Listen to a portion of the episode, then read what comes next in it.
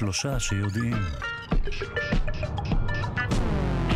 שלום לכם, פיתוח ישראלי משפר את יעילותן של תרופות אנטי-סרטניות. מיד נדבר עם החוקרת שאחראית לפיתוח הזה, פרופסור מרסל מכלוף. שוב שלום לכם, אנחנו שלושה שיודעים בכאן תרבות. אנחנו תוכנית המדע והידע של ישראל. אני דודו ארז ואנחנו עם כל המחקרים, כל הפיתוחים המדעיים והטכנולוגיים וכל מה שבאמת מעניין לדעת. אנחנו משודרים בכל יום בשבע בבוקר ובשידור חוזר בשמונה בערב במשך שעתיים, ובתוכנית היום בין היתר נעסוק בעניינים האלה. קורונה, זן האומיקרון, הווריאנט החדש של נגיף הקורונה, ממשיך לעורר דאגה ברחבי העולם, וגם טכנולוגיה רפואית שפותחה בטכניון משפרת את השפעתן של תרופות אנטי-סרטניות. באילו תרופות מדובר ואיך זה עובד, מיד נדבר עם החוקרת שאחראית לפיתוח הזה. וגם, מבוגרים עם ADHD, הפרעת קשב ופעלתנות יתר, נוטים פי ארבעה לפתח הפרעות חרדה.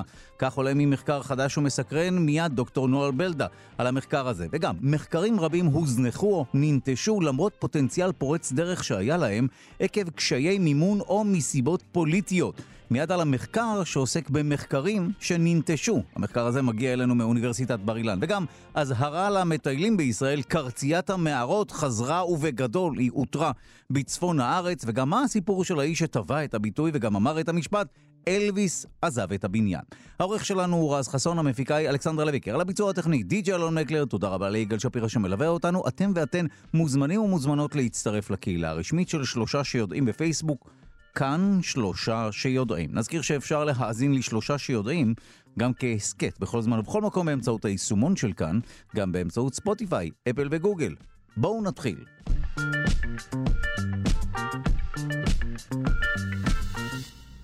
טכנולוגיה רפואית שפותחה בטכניון משפרת את השפעתן של תרופות אנטי-סרטניות. הטכנולוגיה שמבוססת על פלטפורמת ננו גוסט, שמיד נכיר, מאפשרת לצמצם את מינון התרופה שניתנת פי מיליון בלי לפגוע ביעילותה.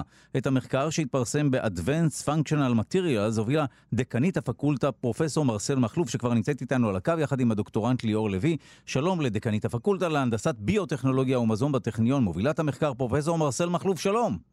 בוקר טוב. למדי אותנו איך אפשר לצמצם אה, מינון של תרופה פי מיליון בלי לפגוע ביעילות שלה?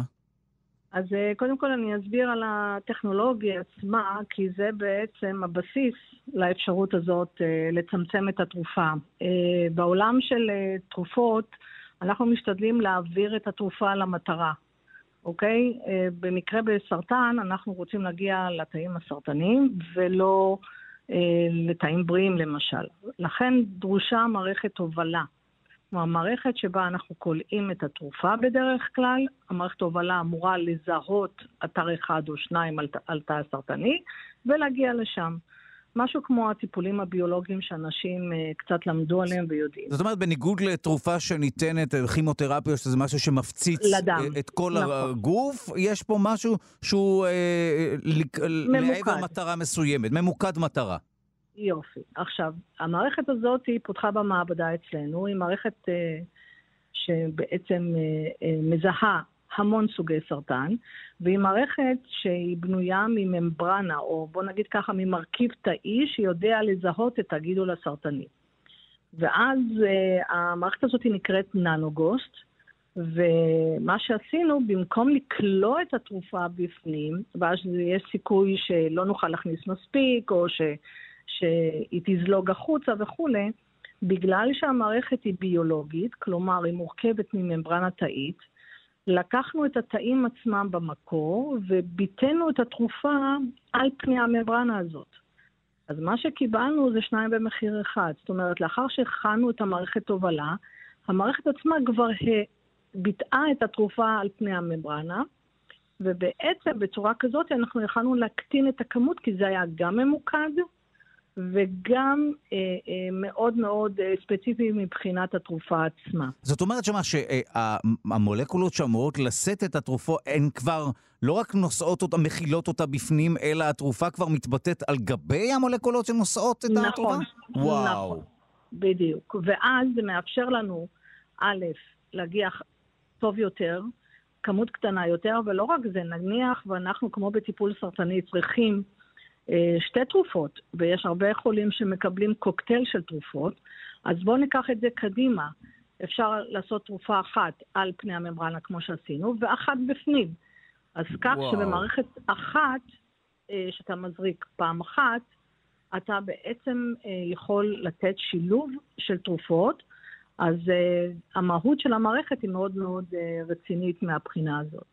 עכשיו, אוקיי, אז זו המערכת. עכשיו, באיזה סוגים של גידולים סרטניים אתם עוסקים? באילו תרופות מדובר? אה, תמיד כשמדברים על uh, פיתוחים כן. שקשורים uh, לסרטן, אנחנו מאוד נזהרים לטעת תקוות נכון. שווא, או uh, uh, לספר סיפור שבסופו של דבר לא מתבטא לכדי טיפול uh, משמעותי, ולכן uh, אז... חשוב לנו להבין איפה זה עומד uh, נכון. ובמה מדובר. אז קודם כל, על הטכנולוגיה הזאת כבר נפתחה חברת סטארט-אפ שכבר uh, עובדת ומתפקדת שנה וחצי. כאשר המטרה של החברת סטארט-אפ היא בסביבות עוד שנתיים להגיע לניסויים קליניים. עד כה, כל הניסויים שנעשו, נעשו בבעלי חיים כמקובל בעולם אה, אה, הסרטן. עכשיו, לגבי התרופה הספציפית שהשתמשנו בה וביטאנו אותה על פני המערכת, היא תרופה שהיא כבר אה, פותחה, למשל, והגיעה לניסויים קליניים, אך לצערנו, בפאזה שלישית היא לא כל כך מילאה את המטרה, כיוון שהתרופה עצמה לא הייתה יציבה. אוקיי? אז אנחנו בעצם מצאנו דרך לא רק להוביל אותה, אלא גם לייצב אותה ולהגיע למטרה. מבחינת אה, אה, איזה סוג סוגי סרטן, אז מערכת הננוגוסט, זה מערכת ההובלה עצמה, בלי קשר לתרופה, יודעת לטרגט את עצמה למספר רב של גידולים סרטניים. במקרה הספציפי הזה, אנחנו עבדנו על גידול המלנומה, ו... אה, אבל המערכת עצמה, ננוגוסט, היא יודעת להגיע למספר רב של גידולים מוצקים. כלומר, גידולים שיש ממש לא של אדם, אלא גידולים שמתהווים ברקמות שונות. את זה הוכחנו כבר בעבודות אחרות, אה, באופן כזה שהיא באמת יודעת להגיע באופן מאוד מאוד ממוקד לגידול הסרטני עצמו.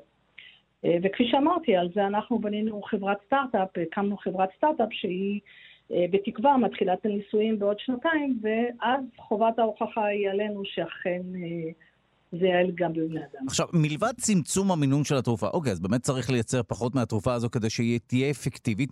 זה, זה משהו שהוא באמת משפר את מצבם של החולים? תראה, הניסויים עצמם נעשו אה, בחיות, אצלנו. כן. התרופה עצמה כבר נוסתה בחולים והראתה שהיא טובה נגד גידולים סרטניים, רק שלצערם היה צריך כמויות יותר מדי גדולות כיוון שהתרופה לא יציבה, ולכן זה היה בלתי אפשרי. Mm. אז אנחנו צופים שאכן תרופה כזאת, בצורה שהיא מובאת, כן, תוכל לשפר.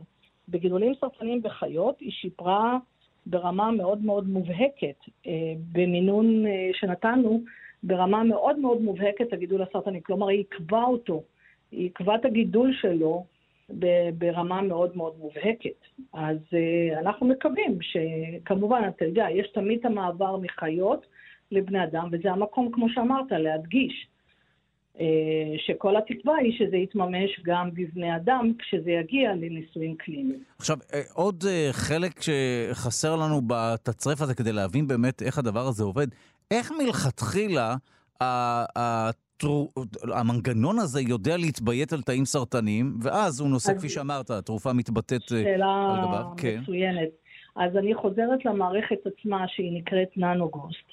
הננוגוסט אלה בנויים מתאים שנמצאים אצלנו במח העצם. הם תאי גזע שאנחנו בעצם היום יכולים לרכוש, אנחנו לא צריכים אותם מהחולה, זה דבר מאוד מאוד חשוב. יש חברות כבר שמייצרות אותם באופן כללי לתרפיה. התאים האלה, יש להם תפקיד מאוד חשוב בגוף שלנו, פרט לזה שהם יכולים להפך לרקמות אחרות. התאים עצמם יודעים להתביית על גידול סרטני, כיוון שהגידול הסרטני מאותת להם להגיע. לא בגלל שהם רוצים לעשות את זה, אלא בגלל שהגידול הסרטני מאותת לתאים. כשהם מגיעים לאזור הגידול, הם מגינים עליו מפני מערכת החיסון. ככה, זאת אומרת, התאים האלה מסתירים את הגידול מפני מערכת החיסון, עד שהגידול גדל באופן כזה שכבר מערכת החיסון לא יכולה לטפל בו. ולכן מה שעשינו, אה, וזה מחקר של עשר שנים כבר, וזה מה שעבר לחברה, לקחנו את התאים האלה, רוקנו להם את התוכן, כלומר עכשיו יש לנו רק את הממברנה או את המעטפת החיצונית של אותם תאים, שבעצם שם יש את כל המרקרים שיודעים לזהות את הגידול הסרטני. הקטנו את זה לגודל ננומטר והפכנו את זה בעצם לכדור חלול קטן שאתה יכול להכניס בו את התרופה. וואו. עכשיו, כיוון שיש את כל הזיהוי על פני הממברנה, משהו שאנחנו לא צריכים לעשות, משהו שהטבע כבר עשה, שהאמת אנחנו אפילו לא יודעים מה בדיוק נקשר לגידול הסרטני, אז המערכת הזאת, ברגע שאתה מזריק אותה לדם, היא פשוט, אין לה ברירה. אם יש גידול סרטני, היא נדבקת אליו. פשוט תחשוב שזה נדבק, והגידול לא יכול להתחמק מזה. ואת זה הוכחנו כבר בהרבה גידולים סרטניים, ולכן קידמנו את המערכת הזאת שלב קדימה. זה הכל, כל הזיהוי עצמו הוא יותר ממוקד במערכת עצמה, ועכשיו לקחנו אותו שלב קדימה, שאמרנו, בואו נבטא תרופה אחת על פני הממברנה, ובעתיד נכניס גם תרופה אחת בתוך החלקיק הזה. בעצם אני מובילה שתי תרופות בבת אחת. טוב, שוב, אה, אז אנחנו באמת אה, נסייג את העניין ונגיד שכפי שאמרת, העניין אה, נבדק על בעלי חיים וכולי, אבל גם לצד הסיוגים האלה חשוב לומר שכל התקדמות מדעית שקשורה במלחמה נכון, בסרטן, היא, היא, היא נותנת תקווה, גם אם התקווה היא כללית, זה משהו נכון. שהוא חשוב נכון. ואפילו מרגש. תודה רבה לך, פרופ' מרסל מכלוף, דיקנית הפקולטה להנדסה ביוטכנולוגיה ומזון בטכניון, מובילת המחקר. תודה. תודה רבה.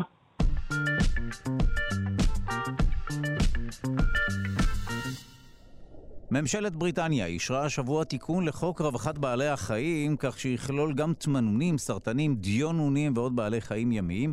התיקון בא בעקבות דוח של ועדה שמונתה לבחינה של הנושא, בו הוכח על בסיס מאות מחקרים שלאותם בעלי חיים יש יכולת לחוות כאב ומצוקה.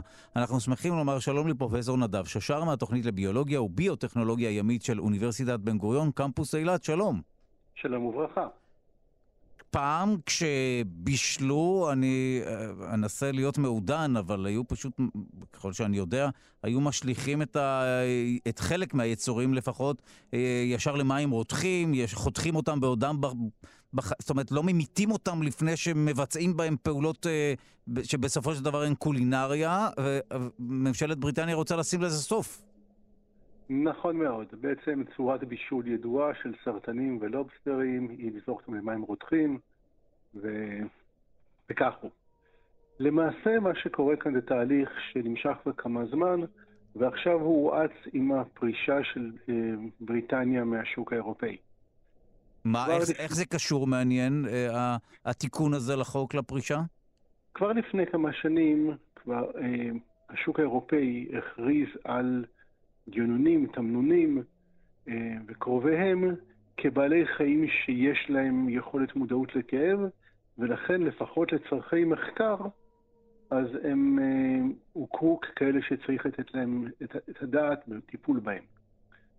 הסרטנים והלובסטרים הוחרגו בשל לחץ פוליטי.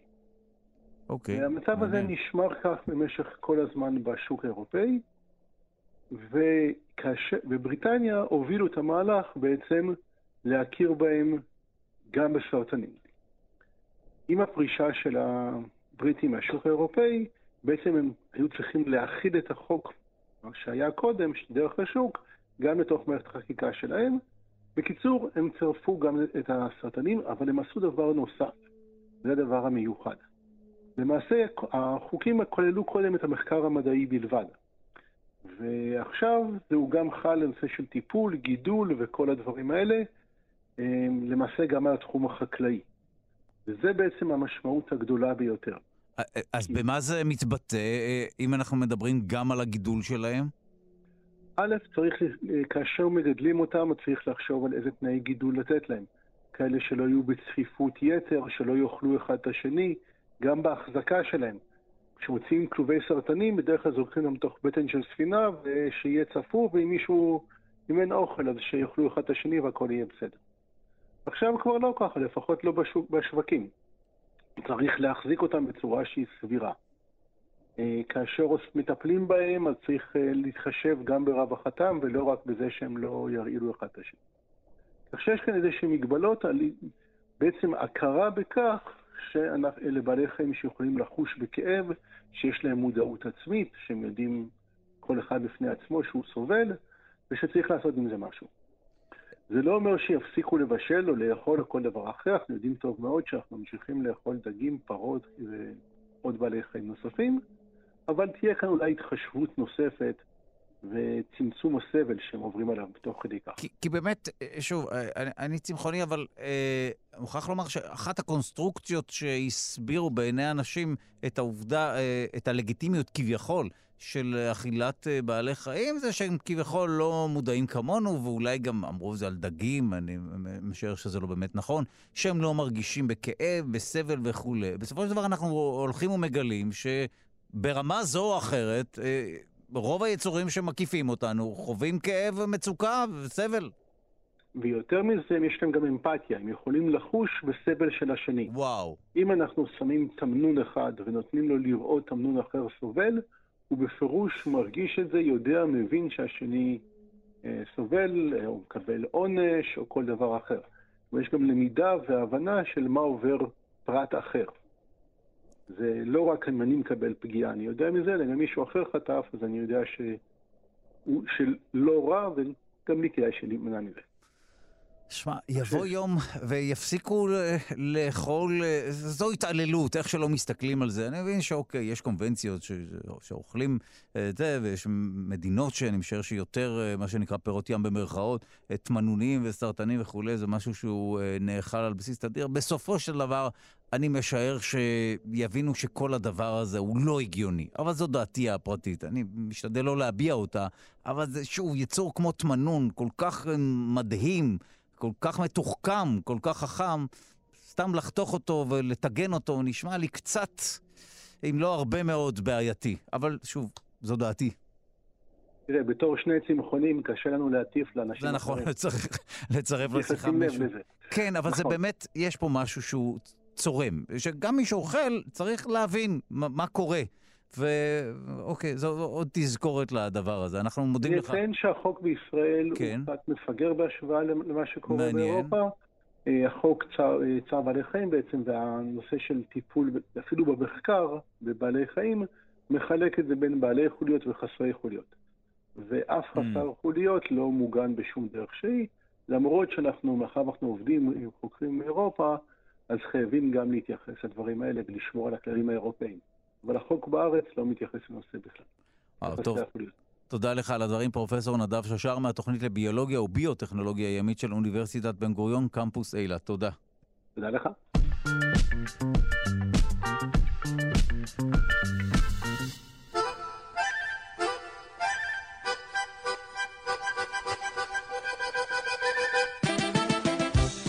רוקדים על טורבו כדי להבחין צפרדעים זכרים מאיימים על המתחרים שלהם באמצעות ריקוד. במחקר חדש שפורסם בכתב העת Proceeding of the Royal Society B, מתברר שמתן טסטוסטרון מאפשר לצפרדעים לרקוד ביתר שאת, להניף את הרגליים באופן מרשים יותר וכך להעצים את רמת האיום. שלום למומחית להתנהגות בעלי חיים ממכון דוידסון לחינוך מדעי, דוקטור יונת אשחר, שלום. בוקר טוב. רגע, למדי אותנו קודם כל על ריקוד הצפרדעים. מדוע הם, כי אלה זכרים רוקדים? כן. אז uh, אתה מכיר את זה שאתה יוצא בלילה באזור שיש בו אולי איזה בריכה או נחל ואתה שומע המון המון המון אה, אה, צפרדעים מקרקרות? כן, הנה, שומעים ברקע בדיוק, אפילו לא צריך לדמיין. אצלנו די.ג'יי מקלר כבר דאג מבעוד מועד להקליט בזמן הבילויים הליליים שלו צפרדעים. כן, אז אה, בדיוק ככה. אה, או, או קולות אחרים, לכל צפרדע יש את הקול שלה. אבל הצפרדעים האלה הספציפיות מבורנאו לא עושות קולות דווקא. ויש סיבה טובה שהן לא עושות קולות. זה בגלל שהזכרים אה, מתקבצים וקוראים לנקבות, או מחכים לנקבות, באזורים שהם בדרך כלל ליד נחלים, נחלים קטנים שזורמים מהר, ובעיקר ליד מפלים. וליד מפלים יש הרבה רעש של מפל, של המים שזורמים. וזה בעצם מטביע את, ה, אמ, את הקולות של, הצפרדים. Mm. הם, אה, אם הם יקרקרו, לא ישמעו שום דבר, כי יש את המפל. אז למה הן מתעקשות אה, לחיות שם ולא באזורים אה, שקטים יותר? כי שם יש את המים שהן צריכות. Mm. אז זו אכן תשובה שתשתיק אותי. אוקיי. אה, אני לא יודעת בדיוק למה הם אה, מעדיפים לו את הבריכות של אחרים, אולי אין שם מספיק בריכות, אולי הם רוצים מים זורמים ונקיים יותר, אני, זה אני לא יודעת, אבל... אבל יש שם רעש, כפי שאמרת. שם יש כן. הרבה רעש, כן. ו, אה, ולכן במקום להודיע על נוכחותם בעזרת, ה, בעזרת הקול, בעזרת הקריאות האלה של הצפרדים, הם עושים ריקוד. הם מעלים גבוה גבוה את הרגל שלהם, ואז פותחים אותה, כשיש להם את הקורמי שחייה בין האצבעות של הרגליים בצבע לבן בוהק כזה, וממש כמו דגלי סמפור כאלה. הם מעלים את זה למעלה, פותחים את, ה, את הכף רגל, מורידים אותה למטה, ככה בצורה מאוד איטית ומדודה, וזה הריקוד שלהם. והם עושים את זה כנראה יותר כדי להפחיד אחד את השני ולאיים אחד על השני, מאשר אה, למשוך נקבות, כי מחקרים שעשו את זה לא הראו שהנקבות נורא מתרשמות מהעניין. Mm, אבל הם כן מצליחים לאיים על החברים שלהם. ומתדווגות עם ה... כן. Mm, אז, הנקבות פשוט מדווגות עם מי שיש שם. אבל הם יכולים לאיים ככה על הצרדים ולהזיז אותם מהמקום. אז בואי נדבר באמת על המחקר הזה ועל הקשר של כל הסיפור הזה, כל הריקוד הזה לטסטוסטרון. כן, אז מה שעשו במחקר הזה זה בעצם אה, שהזריקו להם אה, טסטוסטרון, ובדקו איך זה משפיע על הריקוד הזה. והראו שמי שהזריקו לו טסטוסטרון אמ, הביא את הרגל אמ, גבוה יותר, בערך בסנטימטר גבוה יותר, ובגלל שיש צפרדעים כל כך זהירות, סנטימטר גבוה יותר זה ממש הרבה אה, מבחינתם. וכן, אז הם הראו בעצם שהם, שהם אה, עושות את זה, שזה משפיע על הצורה שבה הם עושות את הריקוד, הם עושים את הריקוד, שהם שמים את הרגליים גבוה יותר כשיש להם יותר טסטוסטרון. אה, הם עדיין צריכים להראות שזה באמת מאיים יותר על, ה, על הצפרדעים האחרות, אה, שזה הם עוד לא הראו, זה כנראה יהיה השלב הבא, אבל הם הראו שיש קשר בין שהזכר הבעל היותר טסטוסטרון, שזה הרבה פעמים מקושר. גם ספירת זרע גבוהה יותר, וזכר שהוא יותר אה, זכרי, בוא נאמר את זה ככה. הוא זה ש... שמעלה את הרגל שלו גבוה יותר ורוקד אה, טוב יותר. או מרשים יותר מהזכרים האחרים. זה משהו שגם יכול לעבוד עלינו? זאת אומרת, אם אני אקבל מנה נוספת של טסטוסטרון, אני ארקוד אה, ביתר שאת, או שלא? אבל זה כן יהפוך אותי ליותר, כפי שאמרת, זכרי במובנים המקובלים. אה, כן, יש הרבה, יש הרבה כאילו עדיין ספקות ומחלוקות בנוגע לאיך בדיוק תוספת טסטוסטרון עשויה להשפיע אה, על בני אדם. אה, יש כמובן אנשים שלוקחים אה, אה, תוספים של טסטוסטרון, אבל זה אנשים שבאמת חסר להם, זאת אומרת לא אה, אה, מעבר למצב הנורמלי, או לא אמור להיות לפחות. אה, ואנחנו כנראה זה לא ישפיע בדיוק על כמה גבוה אתה תוכל להרים את הרגל שלך, כי זה לא הדבר שהתפתח אצלנו כדי אחרי נקבות או להרשים דברים אחרים, אה, אבל אולי זה ישפיע על דברים אחרים. אוקיי, okay, אבל בכל מקרה, אה, יכולת הריקוד שלי לא תשתפר, אם בזה, בזה התמקדנו. זה לא העניין בבני אדם. כנראה שלא. לא. אה, ואם נשוב באמת אה, אל ההתנהגות של הצפרדים, אני מנסה להבין איך הגיעו למצב שבו מזריקים טסטוסטרון בכלל לצפרדים? זאת אומרת, למה לבדוק את העניין הזה? אה, איך, איך הגיעו בכלל לתהייה הזו? אז זה כדי, הם פשוט רצו לנסות בעצם לבדוק מה קורה עם הריקוד הזה של הצפרדעים, ובגלל שזה קשור להתנהגות חיזור, אז הם חשבו mm. שזה... אה, עשוי להיות אה, קשור אה.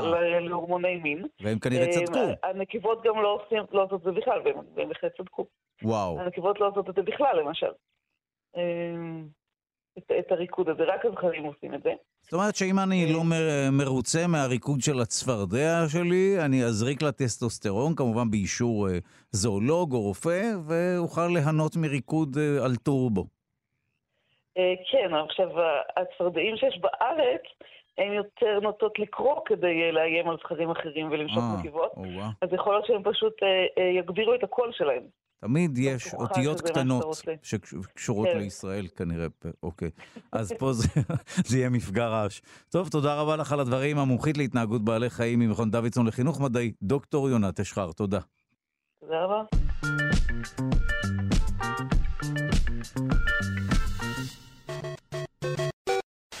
ובמסגרת פינת המחשבים נעסוק במתקפת Man in the Middle. שלום לרועי בינדרמן, יועץ בכיר לאבטחת מידע ומחשוב ב-C Strategy. שלום. שלום, בוקר טוב. Man in the Middle, האדם שבתווך, נכון? אמת. אה, מתקפה שהולכת ומשתכללת כל הזמן, והיא עברה גם כן, אה, מה שנקרא, מאזור הארגונים, או התעשייה הגדולה, לאזור הפרטי. אה, הכל, הכל בגלל הקורונה. הקורונה עשתה לנו הרבה שינויים בחיים ולא לטובה, אה, וגם בנושא של אבטחת מידע, או בכלל נושא של הגנה על מערכות אה, ממוחשבות וכולי, היא עשתה לא טוב. מכיוון שעובדים מהבית והכל נהיה יותר פתוח, מה שנקרא, אז גם, גם הדבר הזה התחיל לזלוג מעולם, ה- מה שנקרא enterprise, אל העולם הפרטי, וזה וואו. מדובר בעצם. כן. אוקיי, במה אז, מדובר למה, בעצם? אז בוא באמת אה, הגדר לנו מהי אותה מתקפה, זאת אומרת, מי הוא אותו אדם בתווך? יפה. אז ה- המתקפה הזו, אה, אגב, בתוצאה, חשוב להגיד, בתוצאה, היא לא שונה ממתקפת למשל דיוג, מה שנקרא פישינג. זאת אומרת, אני בסוף חוזה באיזשהו מצג שווא, שאני רק חושב שאני רואה את הדבר האמיתי, אבל אני לא. אלא מה? אני אזכיר שנייה, פישינג זה שבעצם מישהו אה, ממש מזייף אתר, בסדר? וגורם לי לגשת אליו, נניח האתר של הבנק שלי, בסדר? ממש אותו דבר. מישהו ממש אחד. מייצר אתר דומה עם גרפיקה, עם הלוגו, עם אחד הכל? לאחד, בדיוק. אחד לאחד, וואו. ממש פשוט פיקס, אותו דף אה, כניסה לאתר וכולי, גורם לי לגלוש עליו, למשל, שולח לי מייל, זה, זה בדרך כלל בא במייל או אס.אם.אס. אה, החשבון שלך ננעל, בוא תשחרר אותו, או לחלופין, הזדמנות מדהימה להלוואה בלי ריבית, אה, זה זה ואני גולש בעצם ללינק, ש... זה תמיד בא עם לינק, תמיד תמיד תמיד, אה, ללינק ש... ש... ששלחו לי, אה, ואני פשוט אה, לא שם לב שאני לא באתר האמיתי. את הדבר הזה רואים בדרך כלל כשמסתכלים על, על כתובת האתר, זאת אומרת מה שנקרא על ה-URL בר למעלה, אז פתאום נגיד אני יכול לראות שכתוב סתם פועלים נקודה ביז, או פועלים נקודה נט ואין כזה. וואו. אין אתר. לבנק הפועלים יש co.il ו-com, אין לו משהו אחר. אבל זה באמת למשל, אה, ניואנס, אה, וואו. זה ניואנס קטן, למשל gmail.inet. וואו. אין לגוגל דומיין כזה שנגמר ב net או ב inet או מה שלא יהיה. עכשיו, רוב האנשים לא מסתכלים על זה, ואז אני עושה את הטעות. זה מתקפת phishing. זאת אומרת, אני, אם אני טיפה חד, אני יכול לראות את זה בעין, או יש סיכוי טוב שאני אזהה, אפילו אם שולחים לי לינק שהוא, שהוא כן הלינק האמיתי, אבל בסוף שאני גולש, אם אני מסתכל אותו, אני אומר, רגע, רגע, רגע, ממתי יש לה... ממתי יש לאתר הזה כתובת כזו, אין, אין כאלה דברים. אגב, זה מהר מאוד ניתן לבדוק. אה, אני, אני הולך נגיד ל-GoDaddy, שגם הם נפרצו לאחרונה, ואני בודק איזה, איזה דומיינים יש פנויים, בדרך כלל אני אראה שהדומיין שעכשיו אני גולש אליו הוא, הוא של מישהו והוא לא של החברה שמוצגת לי. עכשיו בואו נעבור in the Middle. Man in the Middle כשמו כן הוא אה, התקפה של אדם שבאמצע. מה זה אומר? כבר לא מזייפים אתר, מה שעושים זה גורמים לי לגלוש אל ה-man in the middle, אל, אל הדבר הזה, אל, בוא, נק- בוא נגיד שזה שרת, אל השרת הזה, והוא מתווך ביני ובין האתר האמיתי. זה כבר הרבה יותר מסובך, כי אני, מה שאני חושב זה שאני גולש מול האתר האמיתי, כי התשובות שאני מקבל כן. הן באמת של האתר האמיתי. זאת אומרת, זה כבר לא פייק, אלא מה? מי שבאמצע, מה קורה? בוא, בוא נדבר רגע על אה, סודות. אני מוסר סוד למשה, משה מוסר אותו לחיים. מה קרה באמצע? משה יודע כבר את הסוד שלי, נכון? הסוד שלי הוא כבר לא ביני ובין חיים. אני רציתי להעביר רק לחיים משהו מאוד מאוד אישי ופרטי. רק שאני לא יודע שהוא שם באמצע. בדיוק, אני בכלל לא יודע שמשה נמצא באמצע. אני חושב שאני מדבר עם חיים, בסדר? נגיד בשיחת טלפון, בואו ננסה לדמיין את זה, ובעצם משה מחזיק אה, שני, שני טלפונים, אחד, אחד הפוך לשני, כאילו שפורפרת ואפרכסת הפוכים, אה, קצת דומה למבצע סבתא, למי שמכיר את הקטע המפורסם, דברו, אוקיי? ואני בכלל לא יודע שעכשיו יש עוד מאזין ברקע ששומע את כל השיחה שלי עם חיים. עכשיו, זה בדיוק מתקפת in the middle. יש מאזין באמצע ששומע את כל השיחה שלי. מה זה השיחה? הסשן שלי עם האתר, הוא שומע הכל, ומן הסתם הוא גם רואה הכל. לדוגמה, אם למשל יש הצפנה, אז לעיתים מה שהוא עושה, אה, וזה באמת, זו מתקפה סופר מתוחכמת, אבל היא קורית. הוא מקלף את ההצפנה, אוקיי? מסתכל על התוכן, ואז, מה שנקרא, שם אותה מחדש ושולח לאתר המקורי. האתר המקורי מקבל את התקשורת, מבחינתו הכל תקין. הוא נותן את התגובה שלו, שולח את זה, רק מה, במקום לשלוח אליי, שולח את זה ל-man in the middle. שוב פעם, ה-man in the middle מקלף את ההצפנה, מסתכל מה הייתה התשובה, ושולח אליי חזרה, וככה הלוך חזור, הלוך חזור. מה שקורה זה שבעצם כל השיחה שלי, סשן שלי עם האתר, הוא בעצם עובר דרך מתווך אמצעי, שמקלף את כל, ה, את כל מה שהוא רוצה ולוקח אליו את כל הפרטים, ואני אפילו לא יודע שזה קורה. עכשיו, לא יודע שזה קורה, זה גם לא בדיוק מדויק, כי הרבה פעמים כשלא עושים את זה כמו שצריך ומקצועי, ולא משתמשים בכלים הנכונים ובמפתחות ההצפנה הנכונים וכו' וכו' וכו' וכו', אז בעצם מה שקורה ככה, אם הדפדפן שלי אה, הוא מעודכן, הוא ממש מתריע לי על זה. הוא אומר לי, שים לב, התקשורת שאתה עושה כרגע היא לא מול הדבר האמיתי. וואו, אוקיי. ממש ממש ככה. בהרבה פעמים הוא גם צובע לי את ה-URL בר באדום ועוד כל מיני דברים באדום. אלא מאי?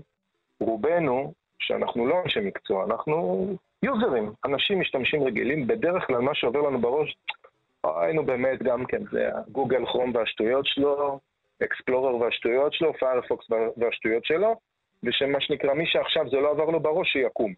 כי לרוב האנשים זה מה שקורה. הם הרי רוצים לגלוש סתם לג'ימייל ולהיכנס לתיבת המייל שלהם, ואז פתאום קופצת להם התראה, שים לב, התקשורת שאתה מבצע היא לא בטוחה וכולי, ומה עובר לך בראש? נו באמת, איזה שטויות אלה. ואתה ממשיך לגלוש. נכון. עכשיו, ברגע שאמרת על עצמך בראש את המשפט, נו באמת, מה זה השטויות, והמשכת לגלוש, דע לך שאתה עכשיו בקבוצת סיכון גבוהה, לא בטוח, אבל אתה כבר בקבוצת סיכון גבוהה שכרגע אתה מבצע איזושהי תקשורת עם man in the middle.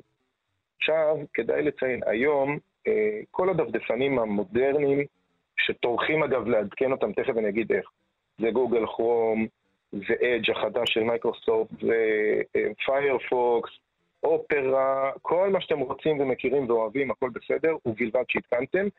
הם אפילו רגישים לסיסמאות וי-פיי שלנו. זאת אומרת, זה גם מערכת ההפעלה. בדרך כלל היום שאתה ניגש לבית קפה נגיד, והסיסמה 1, 2, 3, 4, 5, 6, מערכות ההפעלה והדפדפנים יוציאו התראה, יגידו לך, תשמע, המקום הזה הוא לא, הסיסמה פה לא טובה והיא לא חזקה, ויש סיכוי שמישהו עושה פה מניפולציות על התקשורת. זה ממש חשוב אה, להתייחס לדברים האלה, מכיוון שאנחנו היום כבר לא עובדים בהכרח רק מה, מהמשרד. אנחנו באמת כבר יושבים בבתי קפה ומסעדות, ובבית ובכל מיני מקומות כאלה ואחרים, ואנחנו עובדים. ובאמת במקומות כאלה אפשר ליירט את הגלישה שלנו, כן? חד משמעית כן. די, וואו. ברגע שאני, בדיוק, וואו. ברגע שאני הבעלים של ה-access point, זאת אומרת נקודת הווי-פיי שאליה מתחברים, אני יכול לעשות, בתור כמובן איש מקצוע, שזה מה ש... אני יכול לעשות המון דברים שאנשים, או שהם לא ישימו לב, או שהם יראו את זה, אבל זה יראה להם כאילו, שוב, יעבור להם משפט, נו באמת, איזה שטויות. אה, אפשר גם אפשר. אני לא אומר שזה קל, אבל אנשי מקצוע, או בשמם הזה, האקרים, זה בדיוק מה שהם עושים. אפילו יש לזה שם, קוראים לזה הניפוט. אני פותח איזושהי נקודת וי-פיי שהיא אפילו בלי סיסמה, כדי שכולם יבואו אליה. וכשכולם באים, כל מה שאני מנסה לעשות זה לדוג למשל סיסמאות לפייסבוק, ללינקדאין, לחשבון הבנק, לתיבות המייל וכולי וכולי, כי זה ה value שלי בתור האקר. משם אני אדע לצאת הלאה, ואתה יודע, לשלוח לך אימייל ולהגיד לך, שומע? אתה רוצה את זה חזרה? בוא, תן לי בקטנה איזה רבע ביטקוין כזה ואנחנו נסדר את העניינים. זה מה שקורה. חשוב מאוד, כדי למנוע את הדברים האלה, לעדכן גם את מערכות ההפעלה, זה לא בעיה, settings, updates, וללחוץ על הכפתור, ואת הדפדפן. כי הדפדפן, למשל, אם התקנתי גוגל כרום או פיירפוקס, הוא לא מתעדכן אוטומטית עם מערכת ההפעלה, כי הוא אפליקציה חיצונית. ולכן הולכים תמיד, ל... הולכים שם ה... יש את השלושה קווים האלה, לוחצים עליהם, ויש About. About גוגל כרום, About Firefox, About whatever, וב-About שאתה מסתכל יש לך Update Browser, או עדכן דפדפן. חובה לעשות את זה, אני ממליץ לכולם, מאחר ומדובר בפעולה של חמש שניות, כן, פעם בשבוע, תבדקו. לא יקרה כלום. זה עדיף, מה שנקרא better safe than sorry. תודה לך על הדברים, רועי. תודה. ביי ביי.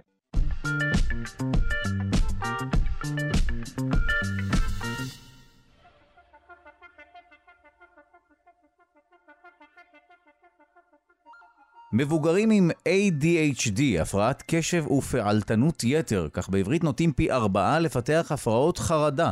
כך עולה ממחקר חדש שפורסם בכתב העת Journal of Effective Disorders. אנחנו שמחים לומר שלום לדוקטור נועה בלדה ממרכז סגול למוח ותודעה, אוניברסיטת רייכמן, שלום. שלום. קודם כל אה, נדבר על הגדרות ADHD, למרות שאנחנו כמובן מכירים את המושג הזה, ואז נדבר על הפרעות חרדה ועל אולי הקשר ביניהם כמובן, או לא אולי, אלא כמובן, זה העניין. אז uh, הפרעת קשב וריכוז, מה שנקרא באנגלית uh, ADHD, uh, זה בעצם הפרעה שאנחנו מכירים אותה בעיקר בהקשר לילדים, כי כל, כל, מדברים הרבה על ילדים עם הפרעות קשב וריכוז, אבל צריך לזכור שהילדים האלה בסופו של דבר הופכים להיות מבוגרים. אה, ואז מה? ואנחנו יודעים שאומנם, קודם כל נגיד הסימפטומים של הפרעת קשב וריכוז, לפי השם, זה די ברור, זה באמת איזשהו קושי לנהל קשב, הרבה פעמים זה בא עם איזושהי נטייה לתנועתיות יתר, פעלתנות יתר, אה, וזה הרבה פעמים גם הפרעה שמלווה בקשיים חברתיים וקשיים רגשיים, באופן כללי קשיים בוויסות, גם ויסות התנהגות, גם ויסות של רגשות, גם ויסות של קשב. אמ, ואומנם בדרך כלל הסימפטומים של ההפרעה הזאת הולכים ונחלשים עם הגיל, כי המערכות המוחיות שעוזרות לנו לווסת את עצמנו הולכות ומתחזקות, אבל משהו כמו 65% מהילדים שיש להם ADHD יהפכו להיות אנשים בוגרים שעדיין סובלים מסימפטומים אה, שקשורים להפרעה הזאת. זאת אומרת, גם אם הצלחנו קצת להסתיר את זה או לקבור או כן לשלוט בזה, עדיין זה נמצא שם למטה. נכון, נכון, ואנחנו מכירים למשל אה, אפילו אנשים ידוענים, מה שנקרא, שסובלים מזה. אברי גלעד למשל מדבר על זה הרבה פעמים. אה, אז זה עדיין קיים גם אצל אנשים בוגרים, וכן, זה יכול להיות משהו שפוגע באיכות החיים. ו... מציב אתגרים לא פשוטים. רגע, רגע לפני שנדבר על הקשר בין הפרעות קשב ופעלתנות יתר, כך בעברית או בריכוז, כפי שקוראים לזה, להפרעות חרדה, מה גורם ל-ADHD? אז אנחנו לא לגמרי יודעים. ההנחה היום שיש לזה איזשהו בסיס גנטי, ויחד עם הבסיס הגנטי הזה כנראה משהו שמשפיע ספציפית במוח על מערכות הוויסות. אה, אני רק אגיד שכשמדברים על ADHD, זה, זה כנראה לא הפרעה אחת, אלא זה כנראה אוסף של כל מיני תהליכים מוחיים שמובילים לסימפטומים דומים, אבל יכול להיות שזה קצת שונה בין אנשים שונים, אז אני אגיד, אנחנו יודעים שחלק מהאנשים עם ADHD זה קשור כנראה לזה שאין להם אה, מספיק דופמין במוח, או מספיק הפרשה של דופמין בחלקים הפרונטליים של המוח שעוסקים בוויסות. במקרים אחרים אנחנו רואים שזה קשור אולי לתופעות אחרות, אז, אז אין, אין לנו עדיין הסבר טוב מספיק בשביל זה. אבל נשמע שהטיפול הוא בין היתר עובר דרך הכימיה, אם זו הבעיה. Uh, עובד דרך הכימיה, אבל בגלל שבמוח הכל מחובר אחד לשני, אז הרבה פעמים נכון. הכימיה משפיעה על איך שהמוח מתפקד, ועובדתית כולנו מכירים את התרופות נגד, uh, נגד ההפרעה הזאת, רטלין ובנות המשפחה שלה, ועובדתית, יש אנשים עם ADHD שרטלין לא עוזר להם. אז, אז mm. הכימיה היא כנראה לא כל הסיפור פה. אוקיי, okay, אז בואי נדבר עכשיו על המחקר. יש פה קשר לא מפתיע מאוד, ובכל זאת, מה עשוי להיות הקשר? מה יכול להסביר את הנטייה לפתח הפרעת חרדה אה, כתוצאה, או כשבבסיס אתה מבוגר עם ADHD? אז, אז זה בדיוק מה שהחוקרים פה ניסו לבדוק. הם, הם באמת מצביעים על הקשר הזה בין ADHD ל... הפרעת חרדה, אני אגיד שכמו שאתה אמרת בפתיח, אנשים עם ADHD יש להם סיכון של עד פי ארבע ללקוט גם בהפרעת חרדה ביחס לאוכלוסייה הכללית, שזה המון, כן? זה ממש אחוז גבוה. וניסו במחקר הזה למצוא כל מיני גורמים שיכולים להסביר איך ADHD יכול להוביל גם להפרעת חרדה. ההנחה פה היא שה-ADHD מופיע קודם, כי זה באמת משהו שבדרך כלל מאבחנים אותו בילדות. הפרעת החרדה מופיעה בשלבים אה, יותר מאוחרים, והם בעצם אה, מזהים כמה גורמים שיכולים להסביר את הקשר הזה. הגורם הראשון זה הנושא של התמיכה החברתית. הם בעצם מצביעים על זה שאנשים עם ADHD, הרבה פעמים יש להם קשיים חברתיים, כי כשאתה, קשה לך לווסת את עצמך, קשה לך לנהל קשב, גם היכולות החברתיות שלך עשויות להיפגע. ואז איך זה קשור להפרעות של חרדה? אז דיברנו באמת הרבה פעמים על זה שהמוח שלנו הוא מוח חברתי, וחלק מהחוסן שלנו והיכולת שלנו להתמודד עם אתגרים נובע מזה שאנחנו יודעים שיש לנו איזה שהם מעגלי תמיכה, משפחה, חברים, וברגע שאין לך מעגלי תמיכה כאלה ואתה חי בעולם בתחושה של בדידות, מבחינת המוח, בדידות זה מצב מאיים, זה מצב mm. שמעורר הרבה מאוד רגשות שליליים, וזה יכול באמת אה, לגרום להופעה של אה, הפרעת חרדה.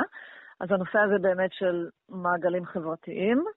אה, הם הראו שזה גם אה, יותר נפוץ אצל נשים, זאת אומרת, אם, אם זאת אישה שיש לה ADHD, אז הסיכון שלה לפתח הפרעת חרדה הוא יותר גבוה מאשר גבר עם ADHD. ולזה יש הסבר? דווקא... פה, כן, פה נגיד שאנחנו יודעים שבאופן כללי נשים נוטות לסבול יותר מהפרעות חרדה לעומת גברים, גם בלי קשר ל-ADHD. אמ, יש כל מיני הסברים לזה, חלק מההסברים זה יותר הסברים אה, חברתיים, שנשים הרבה פעמים, אה, בגלל, אה, אתה יודע, דיכוי חברתי וכל מיני נורמות חברתיות, הרבה פעמים סובלות מחרדה יותר גבוהה. אמ, אבל פה הם מסבירים את זה דרך הנושא של אבחון חסר בנשים, ואני אסביר, אנחנו יודעים ש-ADHD זה משהו שמאבחנים אותו הרבה יותר בקלות אצל בנים, אה, והרבה פעמים יש ילדות שיש להן ADHD, והדבר הזה לא מקבל uh, תשומת לב. למה? אצל בנות הרבה פעמים זה יכול להתבטא קצת אחרת, קצת פחות uh, פעלתנות וקצת יותר... אתה יודע, הן כאלה חולמניות ומפוזרות, ואז זה מושך פחות uh, תשומת לב. אם אצל בנים הדבר הזה מתאפיין יותר באמת בפעלתנות יתר ומה שנקרא התנהגויות uh, מוחצנות, אז מן הסתם, כשילד כזה בתוך כיתה, בגלל ההתנהגות, יכול להיות שזה יוצר איזשהו בלאגן או משהו כזה, אז שמים לזה לב, רוצים לטפל בזה. ואם יש לך ילדה שיש לה ADHD, אבל זה מתאפיין יותר במין, אה, זה שהיא קצת חולמנית והיא קצת מעופפת, אבל היא לא מפריעה לאף אחד, אז פחות, פחות מתייחסים. עכשיו, זה, של, זה שאתה לא מאבחן אותה, זה לא אומר שאין לה ADHD, זה פשוט אומר שהיא צריכה להתמודד עם זה לבד, כי אם היא לא מאובחנת, אז לא, לא מנסים לעזור לה. אה, ואז בעצם האתגרים של ילדות בהתמודדות עם ADHD והסימפטומים הם יותר גדולים. אה, וזה באמת יכול ליצור את הנטייה הזאת לפתח אה, חרדה. וואו, זאת אומרת שנכון לטפל בזה לא רק למען שיפור איכות החיים בהווה, אלא גם למען עתיד ואולי מניעת הפרעות חרדה. לגמרי, לגמרי, וזה משהו שבאמת חשוב להבין שהפרעות קשב וריכוז, בגלל שקשב זה יכולת מאוד תשתיתית, מאוד בסיסית, ואנחנו בעצם משתמשים בקשב לטובת כל דבר שאנחנו עושים, לא, לא רק בשביל אה, ללמוד ואתה יודע, בשביל התפקוד הקוגניטיבי. קשב זה משהו שאנחנו מפעילים אותו כשאנחנו בסיטואציות חברתיות, כשאנחנו צריכים לנהל את עצמנו אל מול העולם. וברגע שיש לך איזושהי בעיה עם ניהול קשב, הדבר הזה ישליך על כל תחומי החיים שלך. אה, וגם כשאתה כבר לא צריך להיות בבית ספר וללמוד, זה, זה לא אומר שהכל עכשיו יהיה בסדר, כן? הפרעות קשב וריכוז זה לא רלוונטי רק לטובת לשבת בכיתה וללמוד כמו שצריך, אלא זה כדי שתוכל להתנהל מול העולם בצורה טובה ומבוסתת. ואם אנחנו מצביעים על זה שבאמת יש את הסיכון הזה, שאם יש לך הפרעת קשב וריכוז, סיכון שלך לפתח חרדה עולה, זה אומר שצריך באמת אה, לחשוב על זה, וילדים עם ADHD, צריך להתייחס אליהם כילדים שנמצאים בסיכון לפתח הפרעות חרדה, לא כולם כמובן, אבל אחוז די גבוה מהם, ולחשוב איך בגיל צעיר אפשר כבר להתחיל uh, להתייחס לכל מיני גורמים שיכולים לחזק אותם, לתת איזשהו טיפול מניעתי, בהחלט. וואו, טוב, תודה לך על הדברים. דוקטור נועה בלדה ממרכז סגול למוח, ותודה, אוניברסיטת רייכמן. תודה. בשמחה, ביי.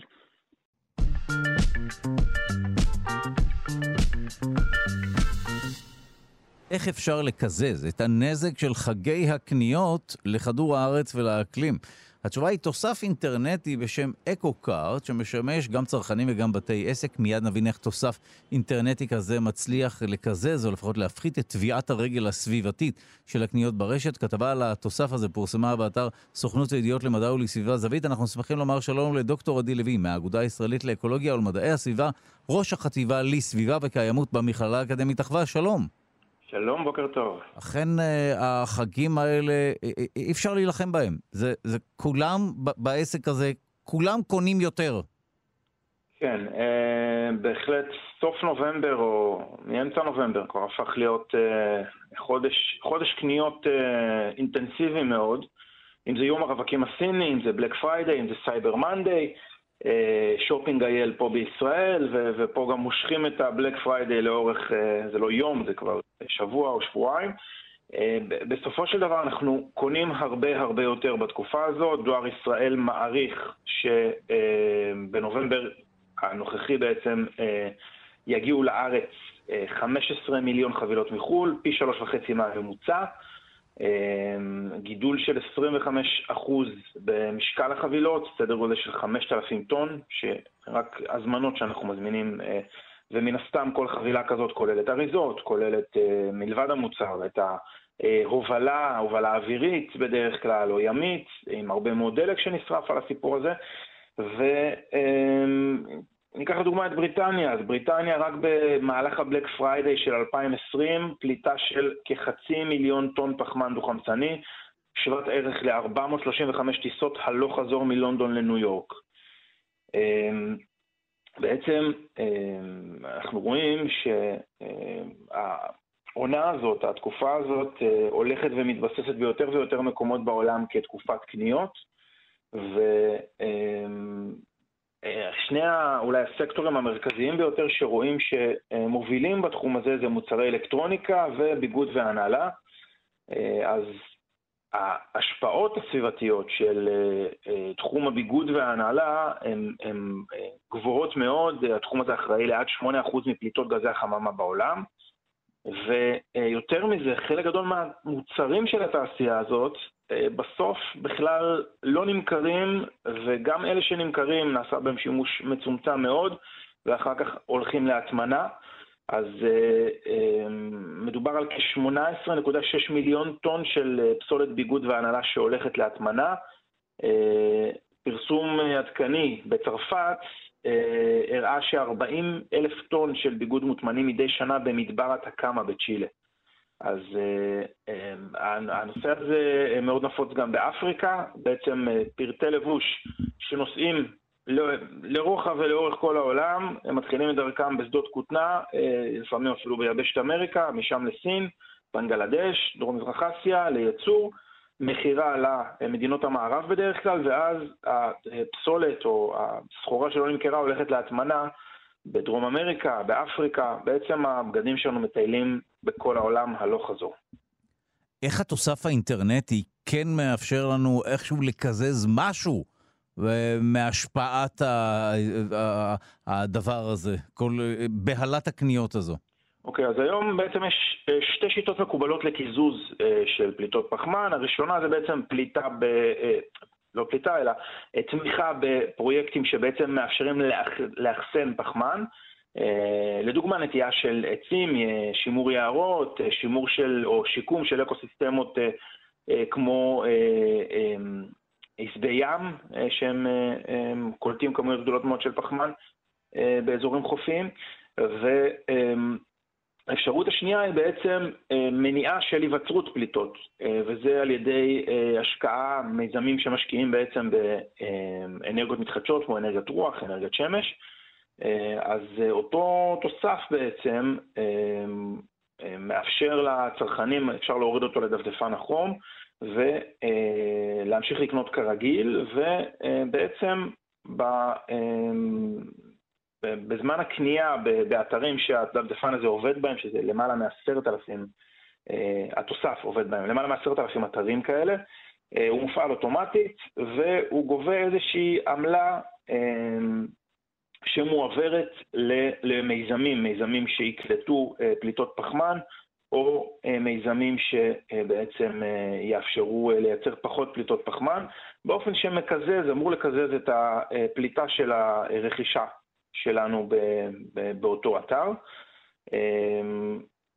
גם קמעונאים שפועלים ברשת יכולים להיות בעצם שותפים במיזם הזה, יכולים להוריד אותו ולשלב אותו באתר שלהם, ובזמן של תשלום ההזמנה בעצם התוסף מחשב כמה עולה לאזן אותה, בדרך כלל מדובר סדר גודל של אחוז או שניים מהסכום הכולל, ו-28% מהלקוחות, על פי אקו-קארטס, בעצם בוחרים באמת להוסיף את הסכום הקטן הזה כדי לאזן את הפליטות שלהם. החגים האלה באמת יכולים לאפשר לנו, אם יש איזשהו מוצר ש- שאנחנו צריכים אותו וחיכינו במשך כמה חודשים עד שהמחיר שלו ירד, זה מצוין, אבל כל מוצר שלא תכננו לקנות, שלא התכוונו לקנות, ואנחנו קונים סתם כי נראה לנו שזה זול, בדרך כלל גם לא עשינו השוואת מחירים כמו שצריך, ו, ויש פה בעצם בזבוז נוראי, כי כל אחד, כל אחד שם לב לזה בשלב אחר, למשל שעושים להיכנות לפסח, או שעוברים דירה, פתאום מבינים כמה חפצים יש לנו בבית, שאנחנו מאחסנים אותם וואו. בבית, אנחנו לא משתמשים בהם בכלל, לא, לא ייאמן ומעבירים אותם מדירה לדירה סתם, ערימות. לגמרי, ולפעמים אנחנו גם לא יודעים בכלל שיש לנו, פתאום לגמרי. מאיפה זה הגיע, נכון? מאיפה, מאיפה המוצר הזה הגיע, מי קנה אותו? אז, אז באמת הצמצום, הפחתה במקור זה תמיד הדבר הסביבתי ביותר, לא לקנות מה שלא צריך, ומה שצריך לקנות בצורה מדודה, כמו שהולכים לסופר עם רשימה, גם להיכנס אה, אה, ב- בימי הקניות האלה לאתרים ולקנות רק מה שאנחנו באמת צריכים. אני מסכים. באופן כללי, אני חושב שכולנו צריכים לקחת אחריות, גם לא לטוס אם אנחנו לא חייבים בעיניי, אה, וגם לא לנסוע ברכב אם לא חייבים. אם אנחנו כולנו באמת נירתם לאיזשהו מאמץ עולמי, אני חושב שהמצב באמת ישתפר. בהחלט. טוב, תודה לך על הדברים. דוקטור עדי לוי מהאגודה הישראלית לאקולוגיה ולמדעי הסביבה וראש החטיבה לסביבה וקיימות במכללה האקדמית אחווה. תודה. תודה לכם והמשך יום נעים.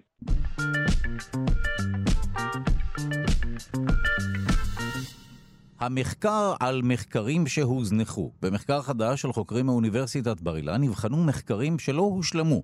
מחקרים עם פוטנציאל פורץ דרך שנעזבו עקב קשיי מימון או מסיבות פוליטיות. את המחקר ערך דוקטור שלמה גוזמן כרמלי, שכבר נמצא איתנו על הקו, יחד עם דוקטור דוד רייר מאוניברסיטת בר אילן. הדברים פורסמו בכתב העת Biosocieties, ובו למשל מתוארת תגלית של חומר טבעי שמשמש כממתיק בתעשיית המזון, שלו פוטנציאל לשפר את מצבם של חולי פרקינסון, אבל התגלית הזו זכתה להתעלמות מחקרית מסיבות כלכליות. שלום לדוקטור שלמה גוזמן כרמלי, מהמחלקה לסוציולוגיה ואנתרופולוגיה, אוניברסיטת בר אילן, שלום. שלום, שלום דודו. בוא, בוא הכר לנו באמת את כל הנושא הזה של מחקרים, שאולי אנחנו כאנושות יכולנו להרוויח מהם, אבל משהו גרם להם לא להתממש. כן, אתה מתמקד בדרך כלל בתוכנית במה נעשה במדע, בכל החידושים.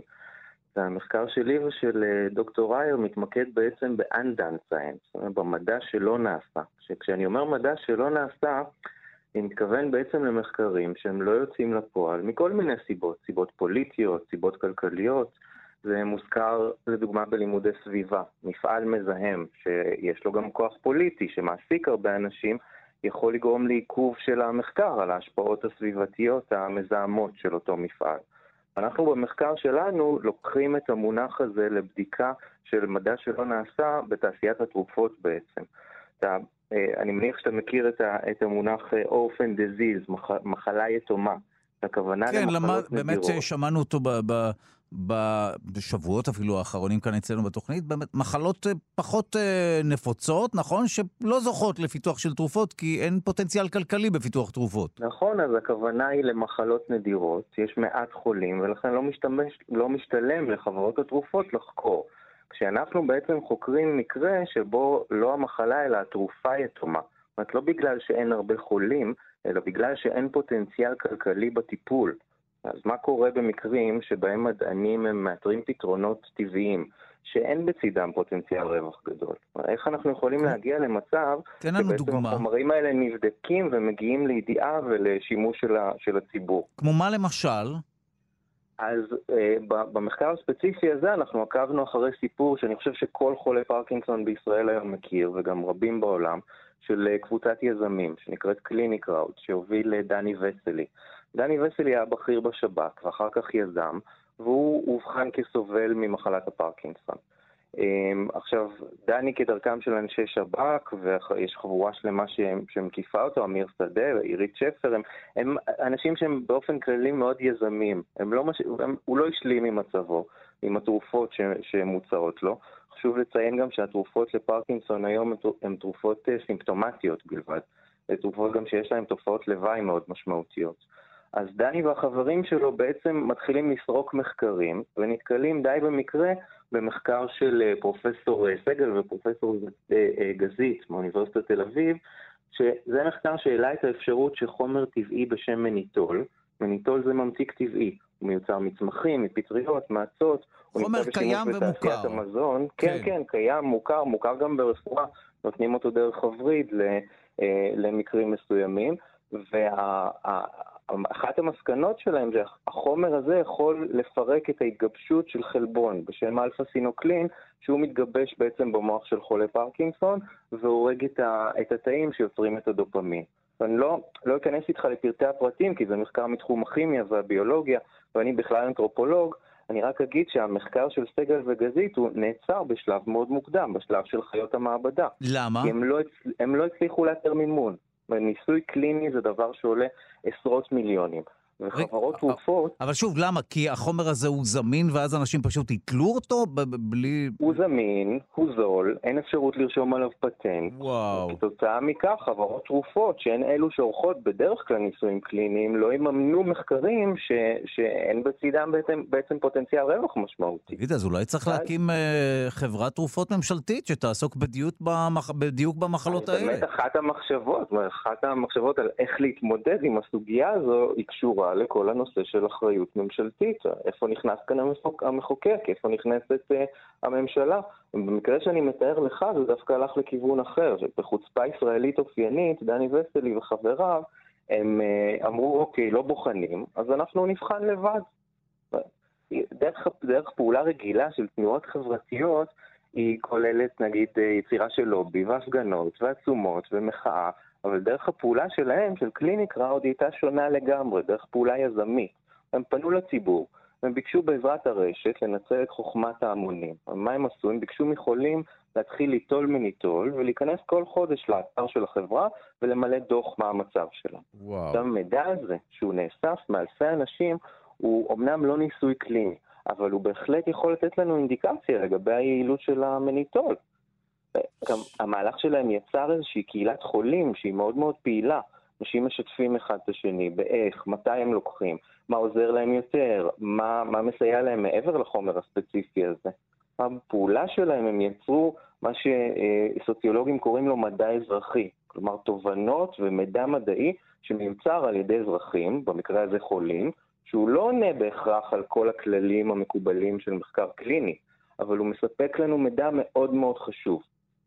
וואו, וזו אחת רק מהדוגמאות, אני משער. זאת אומרת שיש חומרים שאפשר להשיג בצורה אולי קלה יחסית, ואולי חומרים טבעיים ברוב המקרים וכולי, שהמחקר שקשור אליהם אה, הופסק רק כי לא משתלם בסופו של דבר להגיע למסקנות, וגם אם זו תרופה, מה יוצא לי כחברת תרופות מזה שאני מגלה שחומר שקל מאוד להשיג אותו ולא באמצעותי ואי אפשר לרשום עליו פטנט, אז הוא אפקטיבי.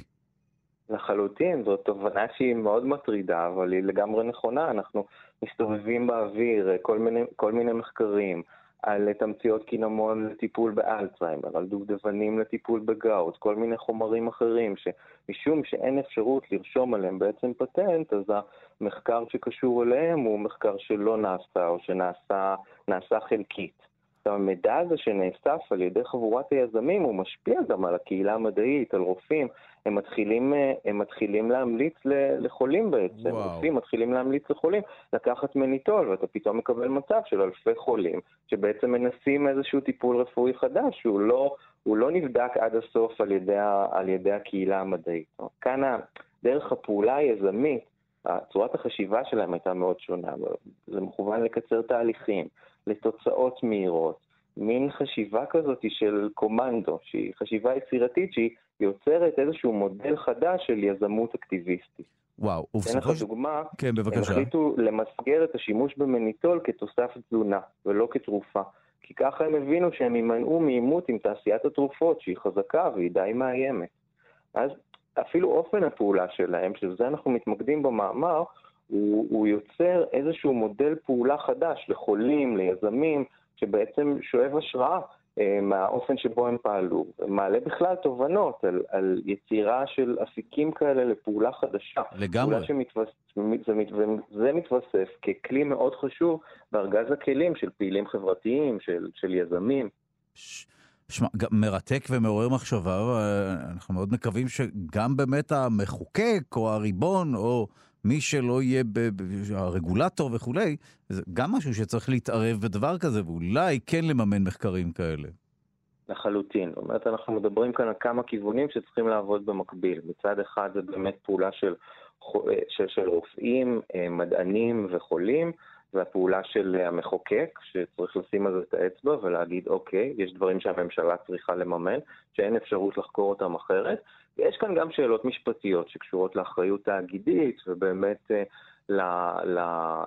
ליכולת אה, ואולי גם הצורך של, של חברות גדולות שיש להן הון עתק, להשקיע חלק מההון הזה גם בדברים שהם לא קשורים לעשיית רווח באופן ישיר. וואו, טוב, תודה לך על הדברים. דוקטור שלמה גוזמן כרמלי מהמחלקה לסוציולוגיה ואנתרופולוגיה אוניברסיטת בר אילן, תודה. תודה רבה.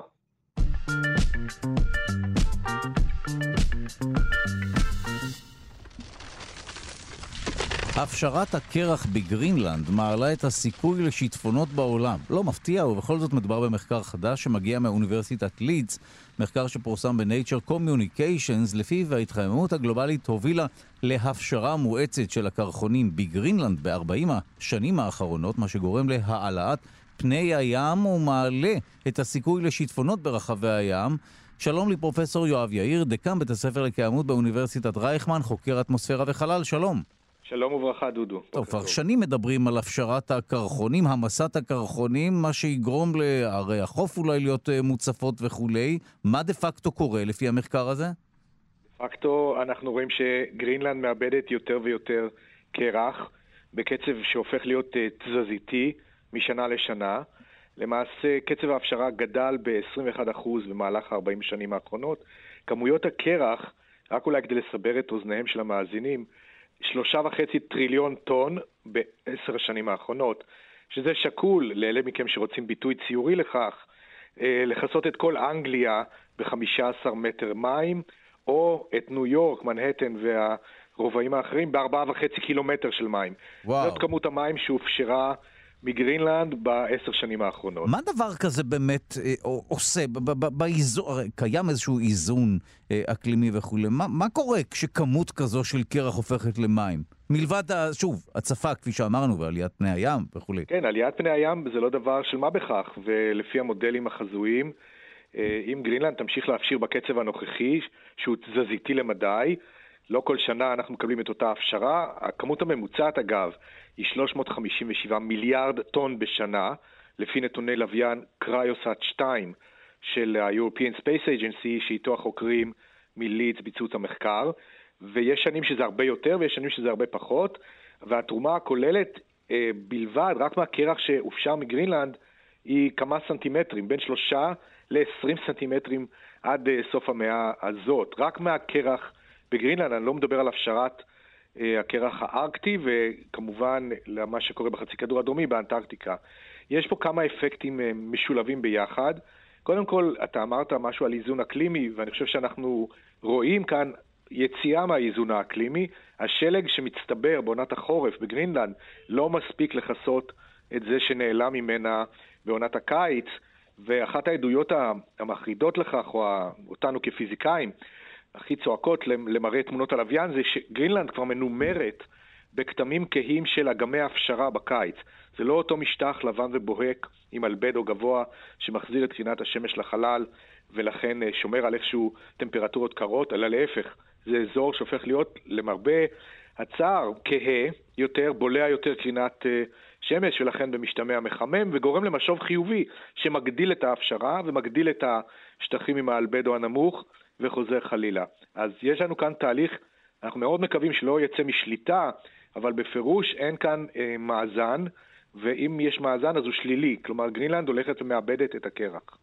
וואו. אה... האם יש מקומות שרגישים יותר למצב של עליית פני הים? זאת אומרת, מי הם האזורים המועדים לפורענות, או מה הם האזורים המועדים לפורענות? ובכן, העלייה הממוצעת כיום, גלובלית, על פני כל הפלנטה שלנו, היא יחסית זעירה, 4 מילימטר לשנה, אז יש מקומות שממש לא מרגישים בזה, אבל אם הקצב הזה יימשך ואולי אף יואץ בשל ההפשרה של הקרח היבשתי על גרינלנד, אה, אנחנו יכולים לצפות קודם כל להיעלמותם של איים מסוימים, בעיקר באוקיינוס השקט, מדינות האיים, שהן אגב המדינות שכבר מכרו בנמרצות בכנס האקלים שהיה בגלסגו רק לפני מספר שבועות, שטענו, אנחנו נהיה פליטי אקלים, המדינות שלנו הולכות להיעלם. זאת אומרת, לא בכלל מפתיע אם תוך 50 עד 70 שנה הרבה מאוד מהמדינות הללו תהיינה או בגובה פני המים או מתחתיהם. וואו. והדבר חל גם על ערי החוף הגדולות בכל היבשות, משנגחאי ועד סן פרנסיסקו, מלונדון ועד uh, הרצליה פיתוח, שכולן שוכנות לחוף ימים, שהמפלס הממוצע שלהם יעלה בעשרות סנטימטרים.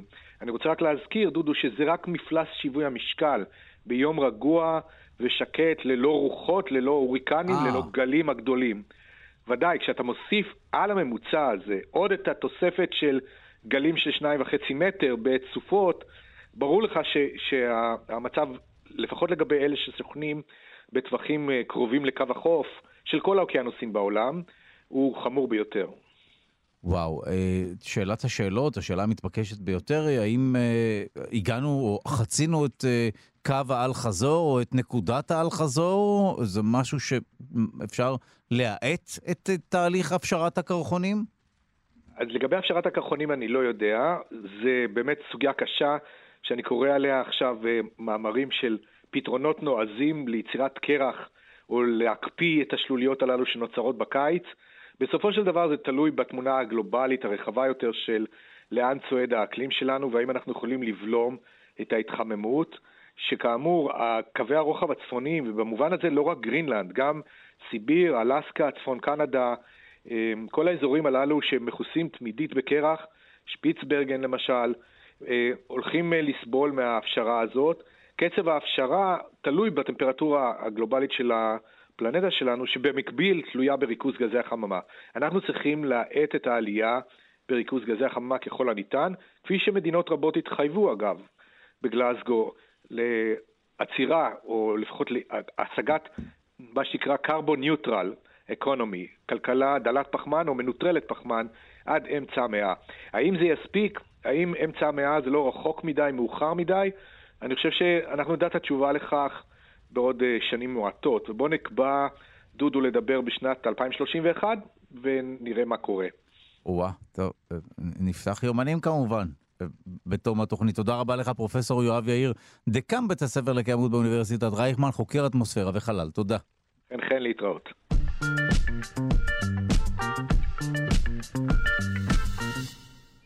קרציית המערות חוזרת ובגדול. אזהרה למטיילים, קרציית המערות אותרה בצפון הארץ. במשרד להגנת הסביבה מזהירים שלא להיכנס למערות לא מוסדרות בשל החשש מאותן קרציות שעלולות להדביק את הנעקצים בקדחת. אנחנו שמחים לומר שלום לדוקטור גל זגרון, מנהלת אגף מזיקים והדברה במשרד להגנת הסביבה. שלום. שלום. למדי אותנו על uh, אותה קרצייה, מה, מה אנחנו יודעים עליה? אני קודם כל חייבת לציין שתמיד המרצה שלי אה, באוניברסיטה היה אומר שקרצייה זה בן אדם, וקרצית, אה, ככה, זה, ככה, ככה, ככה צריך לומר. אה, צריך לומר קרצית? כן.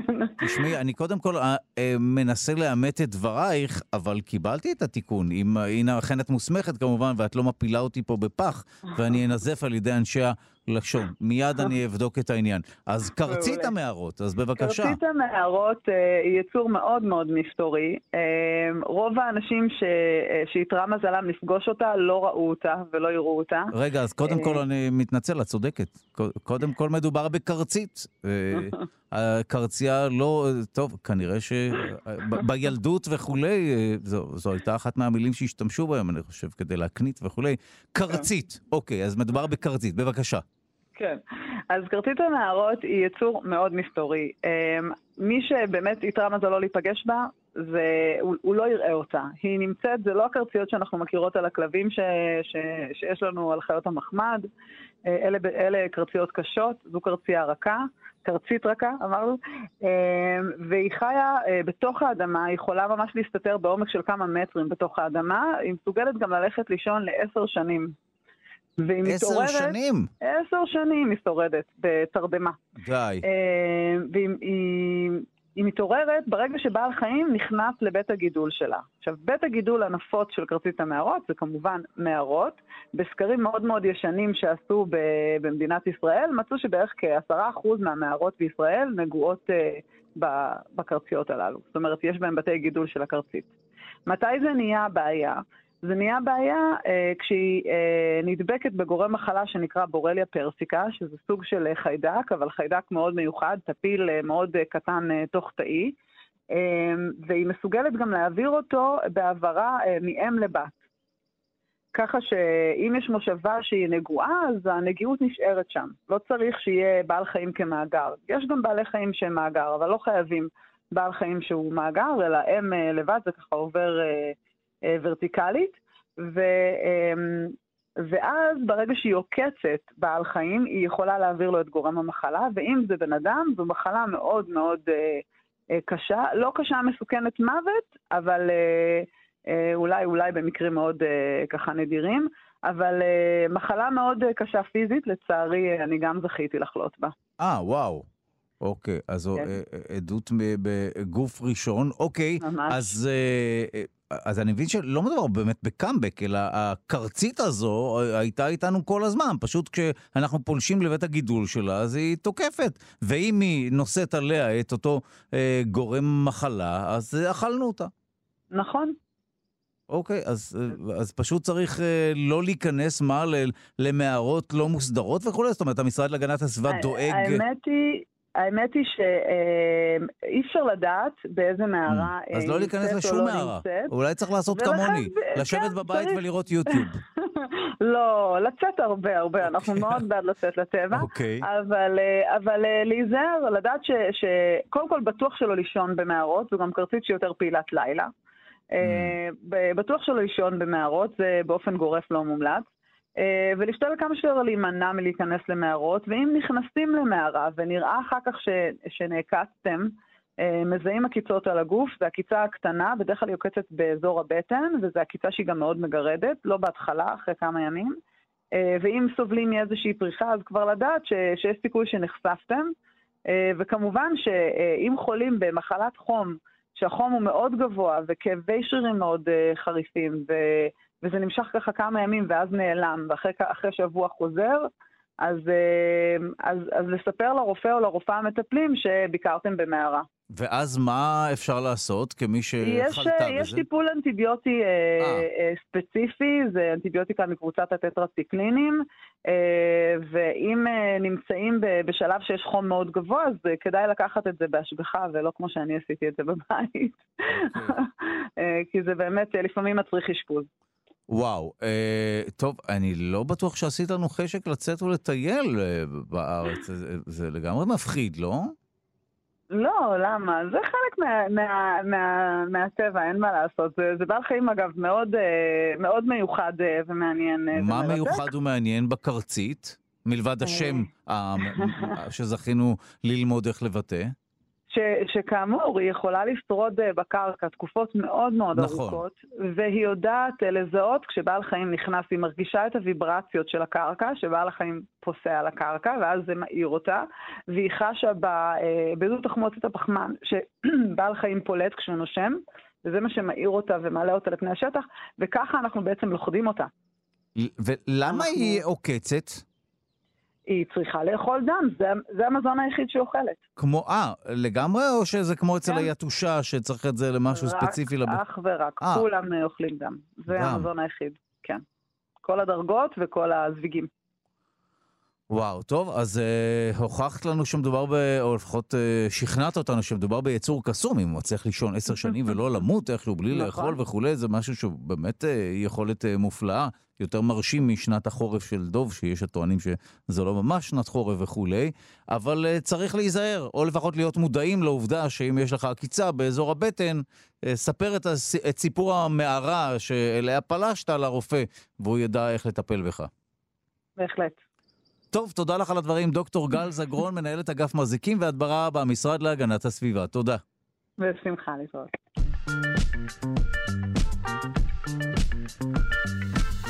ובמסגרת פינת התרבות נחגוג יום הולדת לחצי מהאחים כהן, 67, יום הולדת 67 לג'ואל כהן. שלום ליונתן גת, לשעבר ג'ת, מרצה לתרבות ומבקר תרבות, שלום.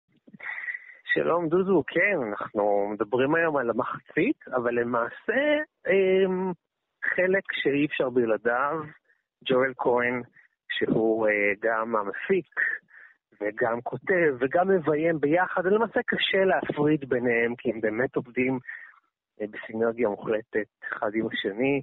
יש ויכוחים פה ושם, אבל אה, בכל זאת, המון המון שנים של עבודה משותפת בהרבה מאוד סרטים. מצוינים שהם עושים יחד, אז זה כאילו אנחנו מדברים על שניהם למעשה. וג'ואל כהן ואיתן כהן, בעצם אפשר לומר, המחדשים הגדולים של הקולנוע ההוליוודי על הספקטרום של הפוסט-מודרניזם. רגע, תצטרך להסביר לנו, זהו, רק תסביר לנו את המשפט הזה, אוקיי. נשמע מורכב, אבל למעשה לא כל כך, לא כל כך מורכב. אנחנו יודעים שפוסט-מודרניזם טוען, הביטוי הזה, פוסט-מודרניזם, זה אה, הגות, הפילוסופיה של הפוסט-מודרניזם, בוא נגיד ככה, אומרת שאין בעצם אה, אמת אחת על הפלנטה. אגב, יש כאלה שיגידו שהפוסט-מודרניזם מגשים את עצמו בקורונה. כי הפוסט-מודרניזם גם טוען שהמדע לא מצליח תמיד לשים את האצבע על הנקודה. כלומר, האמת האחת היא בעיני לפעמים המתבונן. יש מדענים שאומרים כך, יש מדענים שאומרים אחרת, יש פתאום ויכוחים. הרי אם האמת היא אחת, אז למה אמורה להיות עליה ויכוח בכלל? לא אמור להיות ויכוח. אבל זה סתם, זה ככה אמירת צד. הפוסט-מודרניזם בתרבות אומר שלמעשה אין, אין גבוה, אין נמוך, אין עמוק ואין שטחי, אין פופולרי ואין אליטיסטי. בעצם הכל נמצא על אותו מישור. הכל על אותו מישור. ולכן, אתה תוכל למצוא סרט שלהם, שנקרא יהודי טוב. והסרט נפתח בתוך ציטוט, מתוך המחזה המפורסם, הדיבוק. הדיבוק, המחזה המפורסם והמיתולוגי שעבר כל כך הרבה גלגולים והוצג בכל כך הרבה מקומות. יכול לראות קטע מתוך הדיבוק, ואחר כך, מיד אחר כך, ובלי שום הסבר מסוים, עובר למשפחה יהודית איפשהו שם בארצות הברית, במקומות, אתה יודע, פעתי, יודע שם, ה-white trash האמריקאי, סליחה, אנחנו מדברים על אולי אזורי ברוקלין, אני לא זוכר כרגע איפה זה נמצא, אבל לא, ב, לא, ב, לא בדיוק במיינסטרים של אמריקה. איפה שם, שם בגבולות ברוקלין. ואז אתה שואל את עצמך, רגע, רגע, מה בדיוק הקשר בין, בין האגדה הזאת של הדיבוק המפורסם לבין אה, יהודי שנמצא כרגע בברוקלין של שנות ה-90 וה-2000? וההסבר הוא שאין שום גבולות בין האגדה הזאת והאגדה הזאת, שניהם מחפשים את אלוהים, שניהם נמצאים באותו מצב, ולשניהם אלוהים נותן סתירה. אלוהים, אה, לא, אלוהים לא מחשיב לא את האנשים מהאגדה ההיא, ולא מחשיב את היהודי הטוב. ולא אה, משנה כמה הוא מתפלל, ולא משנה כמה הוא רוצה לה, אה, אה, להשתפר, ולהגיע לאלוהים, ולהבין את המסר של אלוהים. כמו יהודי טוב, הוא נורא נורא רוצה להבין מה אלוהים רוצה ממני, מה אלוהים רוצה ממני. והוא מגיע, למרבה הצחקוק, הוא מגיע עד לרופא שיניים שטוען שהשתל שלו בשן הוא מסר מאלוהים. ובסוף אני לא אעשה ספוילר, אבל uh, בסופו של דבר אלוהים לא מקשיב לו. מה אנחנו מבינים מכל החגיגה האבסורדית הזאת? האבסורדיות שבסרטים של האחים כהן מובילים בעצם להבנה שאין שום משמעות לחיים. אין שום תוחלת. אין בעצם כלום. הפוסט-מודרניזם גם אומר את זה. אין בעצם איזושהי משמעות או איזושהי אמת אחת מאוד ברורה או מסר, או מסקנה. שמע, אה, טוב, או... יש אבל הבדל בין אין משמעות לבין אין אמת אחת. אין אמת אחת, אוקיי, זו, זו באמת אמירה פילוסופית, אה, אה, מוסרית וכולי, ו, ו, ו, ו, ואנחנו יודעים שבאמת אנחנו חווים את העולם בצורה סובייקטיבית, ו, ולדבר על אמת אובייקטיבית זה דבר שהוא בעייתי מאוד, אבל אה, לגבי חוסר המשמעות, אני פשוט נזכר בחלק מהסרטים האדירים שלהם, לפחות שאני צפיתי בהם, יכול להיות שזה נמצא שם מתחת לפני השטח, אבל הם סרטים כיפיים ומטורפים. מטורללים. לא, לגמרי, חד משמעית, כמו, כמו דרך אגב קוונטין טרנטינו. אני לא אומר שזו סתירה, אבל כן, כן, לגמרי, לא, כמו נכון. קוונטין טרנטינו, מעל לפני השטח יש עלילה שהיא באמת מרתקת, אבל מתחת לפני השטח יש קריצה. נכון. אצל קוונטין טרנטינו זה רפרור על כל הסרטים האהובים של פעם. אה, ואצל האחים כהן זה רפרור לגבי כל האגדות והקלישאות שנולדנו לתוכם לגבי איך אנחנו תופסים את החיים, משמעות החיים, משמעות של הסופר, למשל בברטון פינק, משמעות של המחזאי, המחזאי שצריך את המוזה שלו, את, ה, את מקור ההשראה שלו, ומה קורה בסופו של דבר? גם הוא מת בסוף. כאילו, אין שום, אין לזה, זה לא מוביל לשום מקום.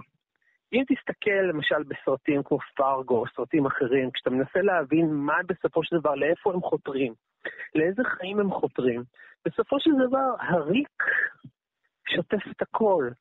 מעניין, גם וואו. כשזה, גם כשעוסקים בדבר כל כך כל כך משמעותי כמו אלוהות ודת ורוחניות, בסופו של דבר, הם לא מזלזלים בנושא הזה, הם לא אומרים אין אלוהים, הם רק אומרים אין משמעות, יכול להיות שיש אלוהים ואין שום משמעות על החיים שלנו. ולכן יש אקשן גדול והנאה גדולה וכיף גדול בסרטים, אבל אה, בסופו של דבר, הם אומרים בואו נהנה לפחות מהכיף הזה והתהליך הזה. בואו נהנה, נהנה מהסוריאליזם, בואו נהנה מזה שזה לא מוביל לכלום. שבעצם אה, אם תחפש משמעות, המשמעות תהיה בסופו של דבר רק מה, מההנאה שבחיפוש, לא מעבר לזה.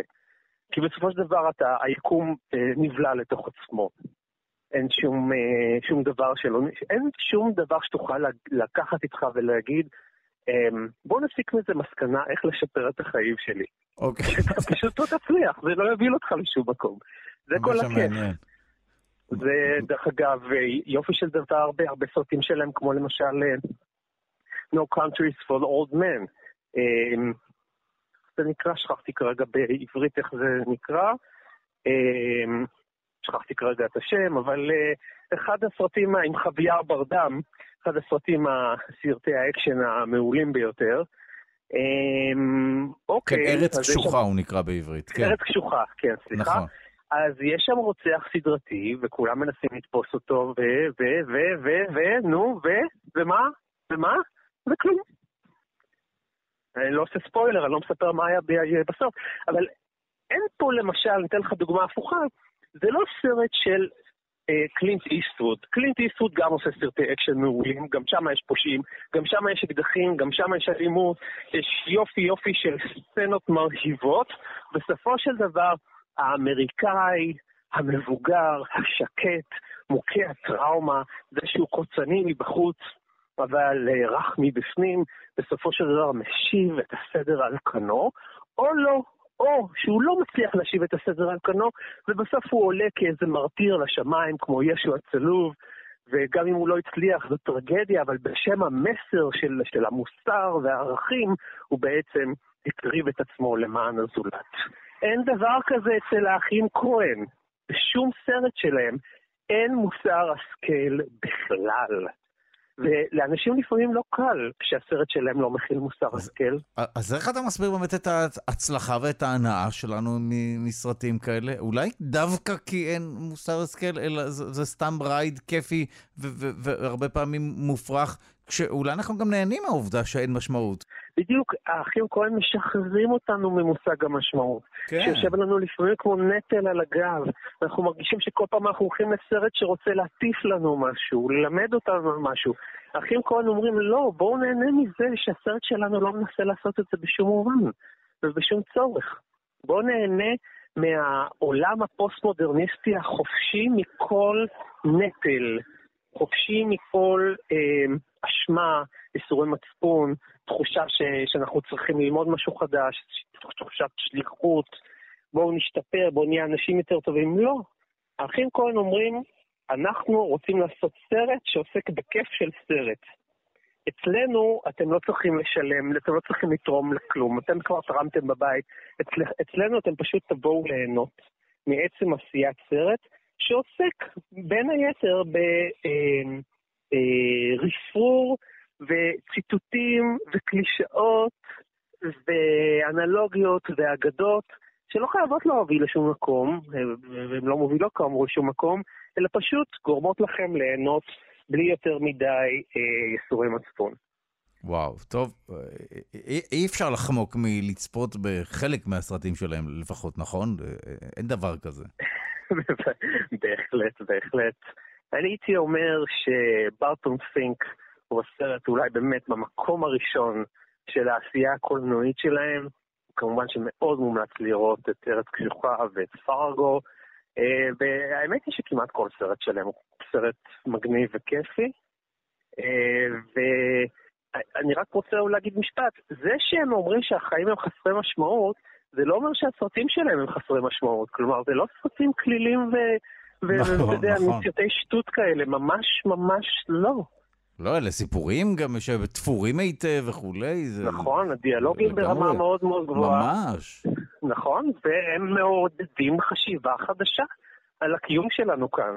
חשיבה חדשה יכולה להיות הרבה יותר לפעמים מורכבת מאשר חשיבה שטוענת שיש לכל דבר משמעות. וואו, טוב, ניתוח מרתק. שווה קודם כל לראות uh, את הסרטים, כמובן, ואז גם לחשוב על הדברים האלה. תודה רבה לך, יונתן גת, לשעבר ג'ת, מרצה לתרבות ומבקר תרבות. תודה. תודה, דודו.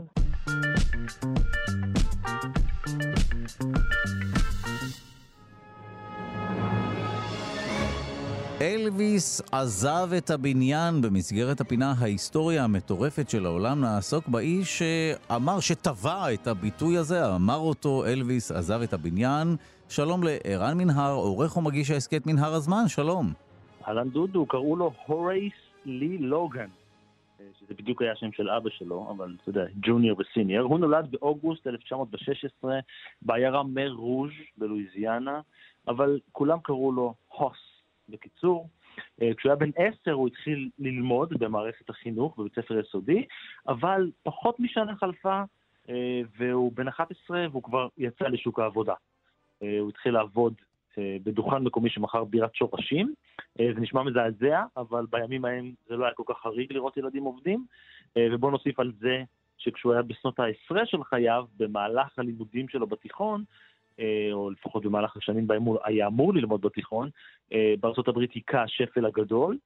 אה, מה שהוגדר יום שלישי השחור, 29 באוקטובר שנת 29, מדד המניות של התעשייה האמריקנית צונח דרסטית, זה היה בעצם ביום השני ברציפות, בעצם זה היה היום הגרוע ביותר בהיסטוריה של וול סטריט עד היום.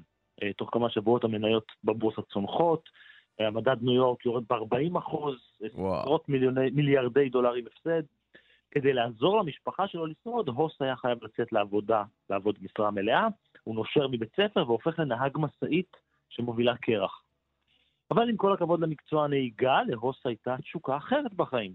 הוא אהב מוזיקה, וחוץ מתקליטים ומהופעות, המקום היחיד בו אפשר היה לשמוע מוזיקה היה ברדיו.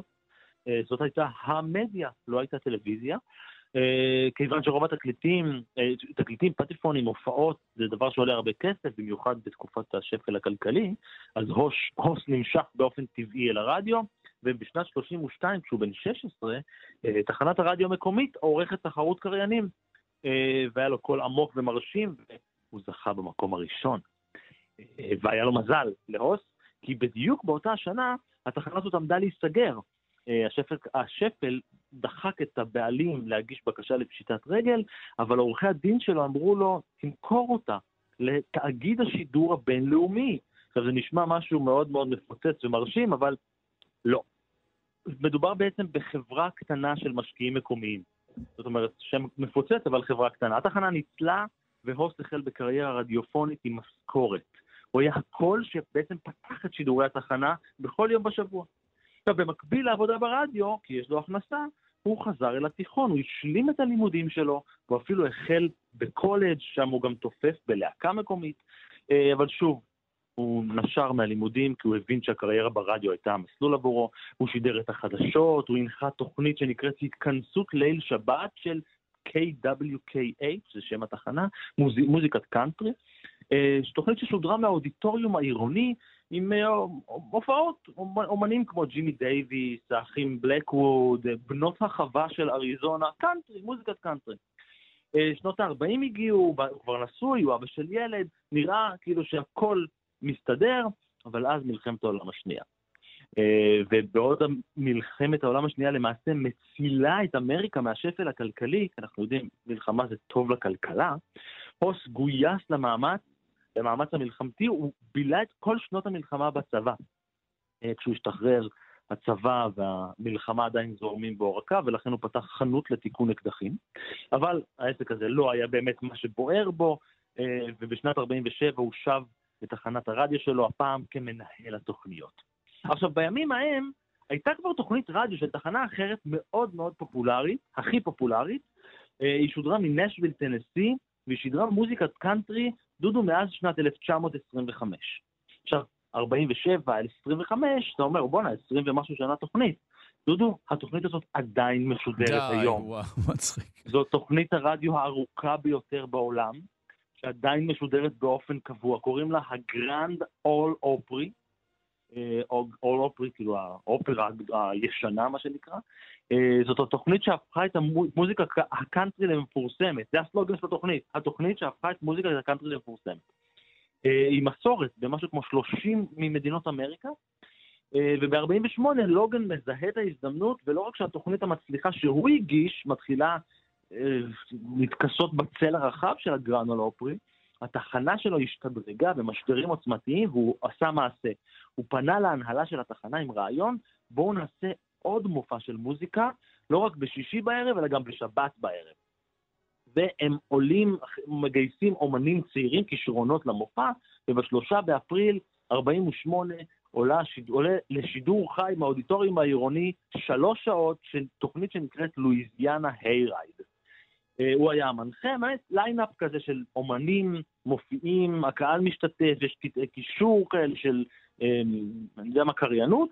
אה, ה Grand Ole Opry בעצם הייתה תוכנית של כוכבים, של אנשים כבר שמצליחים. ו Louisiana Hayride הייתה תוכנית של אנשים שהם בתחילת דרכם, שהם פחות מוכרים.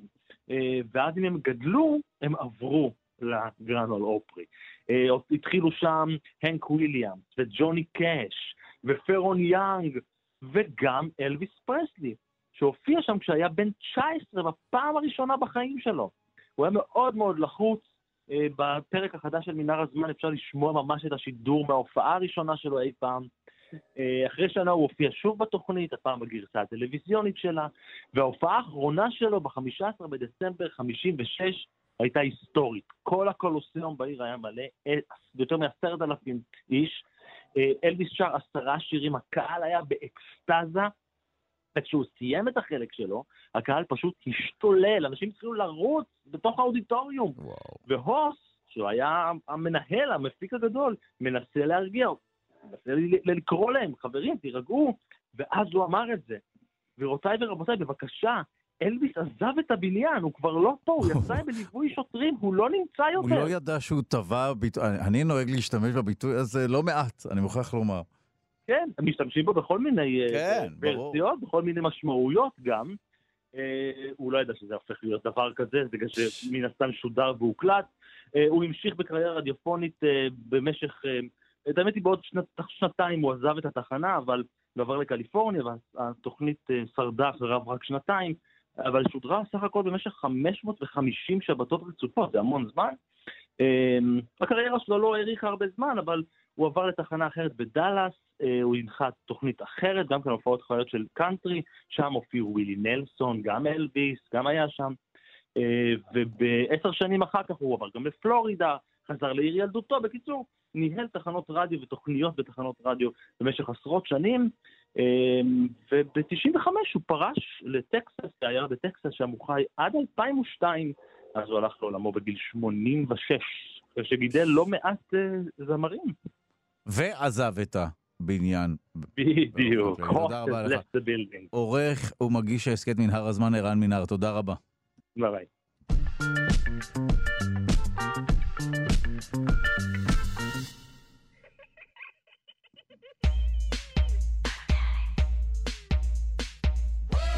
ובמסגרת פינת הניסויים ננפח בלון באמצעות שינוי טמפרטורה בלבד. שלום לביוטכנולוגית ממכון דוידסון לחינוך מדעי, ענבל שמחה בוקר, שלום. שלום, בוקר טוב, דודו והמאזינים. איך אפשר לנפח בלון באמצעות שינוי טמפרטורה? אז זהו, אז אני קודם כרגיל להגיד מה צריך לניסוי. אז כמובן שצריך בלון. אנחנו צריכים גם אה, אה, בקבוק זכוכית של אה, שתייה כמו קולה או בירה, ריק, נקי ויבש. אוקיי? בקבוק.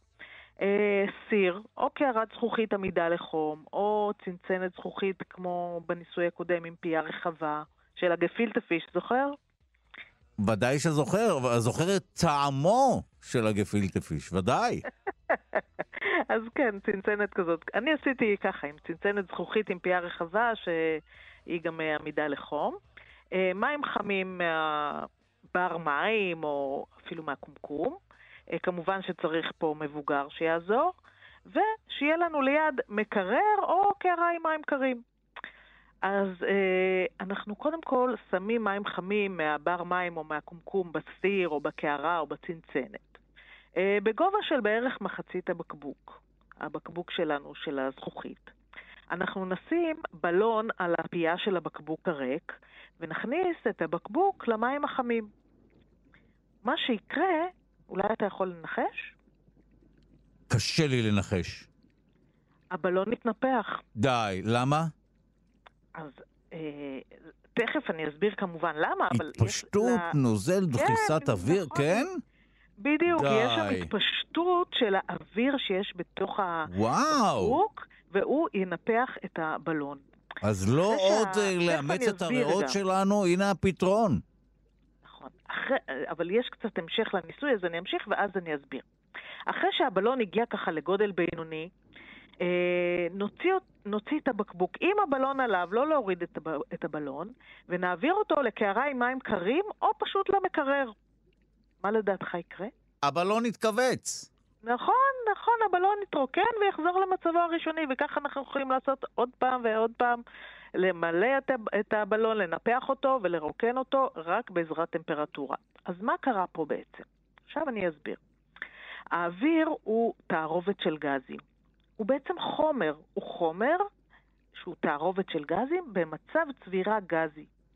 כל החומרים בעצם בנויים מחלקיקים. אנחנו קוראים לחלקיקים האלה אטומים או מולקולות. החלקיקים שמרכיבים את כל החומרים בעולם נמצאים בתנועה. אפילו במוצק הם נמצאים בתנועה, אבל בתנועה מאוד מאוד מאוד זהירה, כך שאנחנו לא מרגישים את התנועה הזאת. גם כשאני מחזיק משהו מוצק, אז כן. עדיין הוא לא סטטי לגמרי? לגמרי. החלקיקים בפנים, בפנים, בפנים, בתוך השולחן הזה שעכשיו אתה יושב לידו, הם רוטטים, הם כל הזמן נמצאים בתנועה.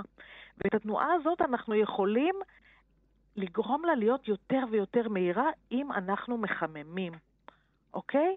התנועה של החלקיקים בתוך החומר תלויה בטמפרטורה.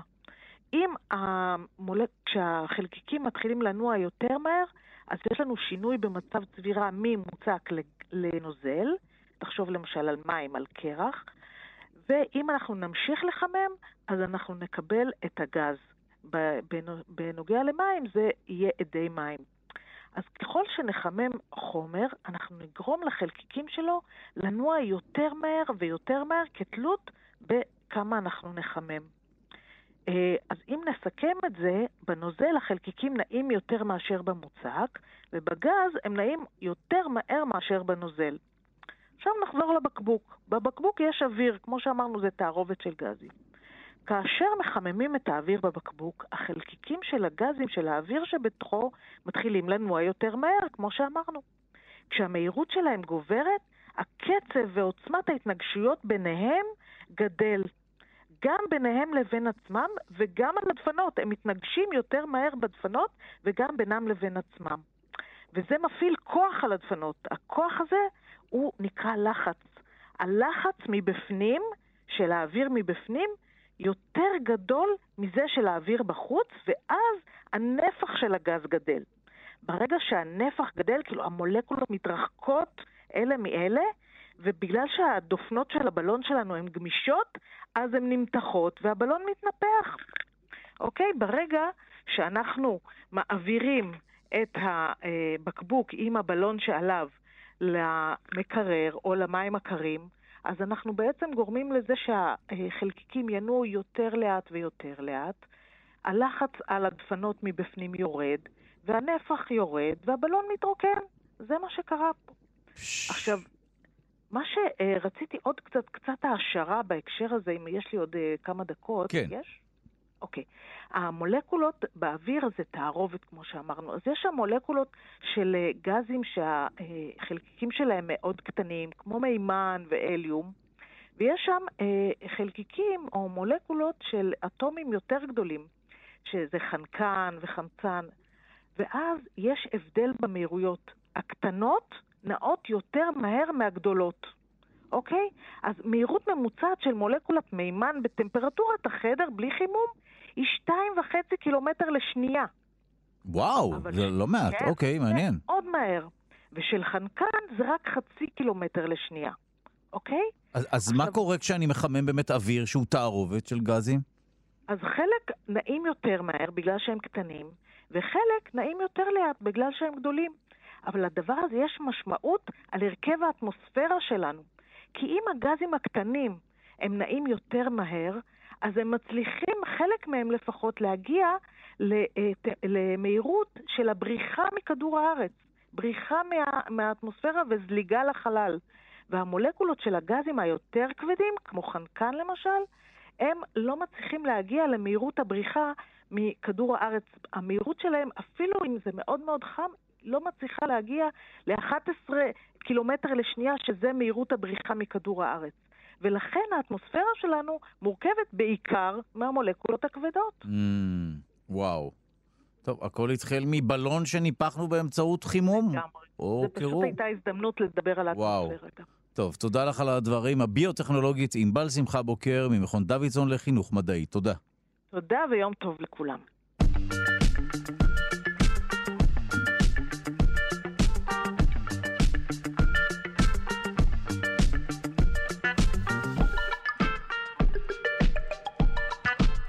אנחנו סיימנו את התוכנית להיום, העורך שלנו היה רז חסון, המפיקה אלכסנדרה לויקר, על הביצוע הטכני די.ג'י אלון מקלר, תודה רבה ליגאל שפירא שמלווה אותנו.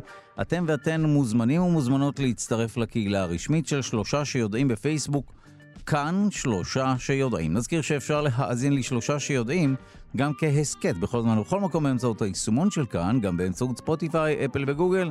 שיהיה לכם יום נעים ושקט, הקפידו על עטיית מסכות, שמרו על עצמכם, גשו להתחסן. מחר תוכנית חדשה להתראות.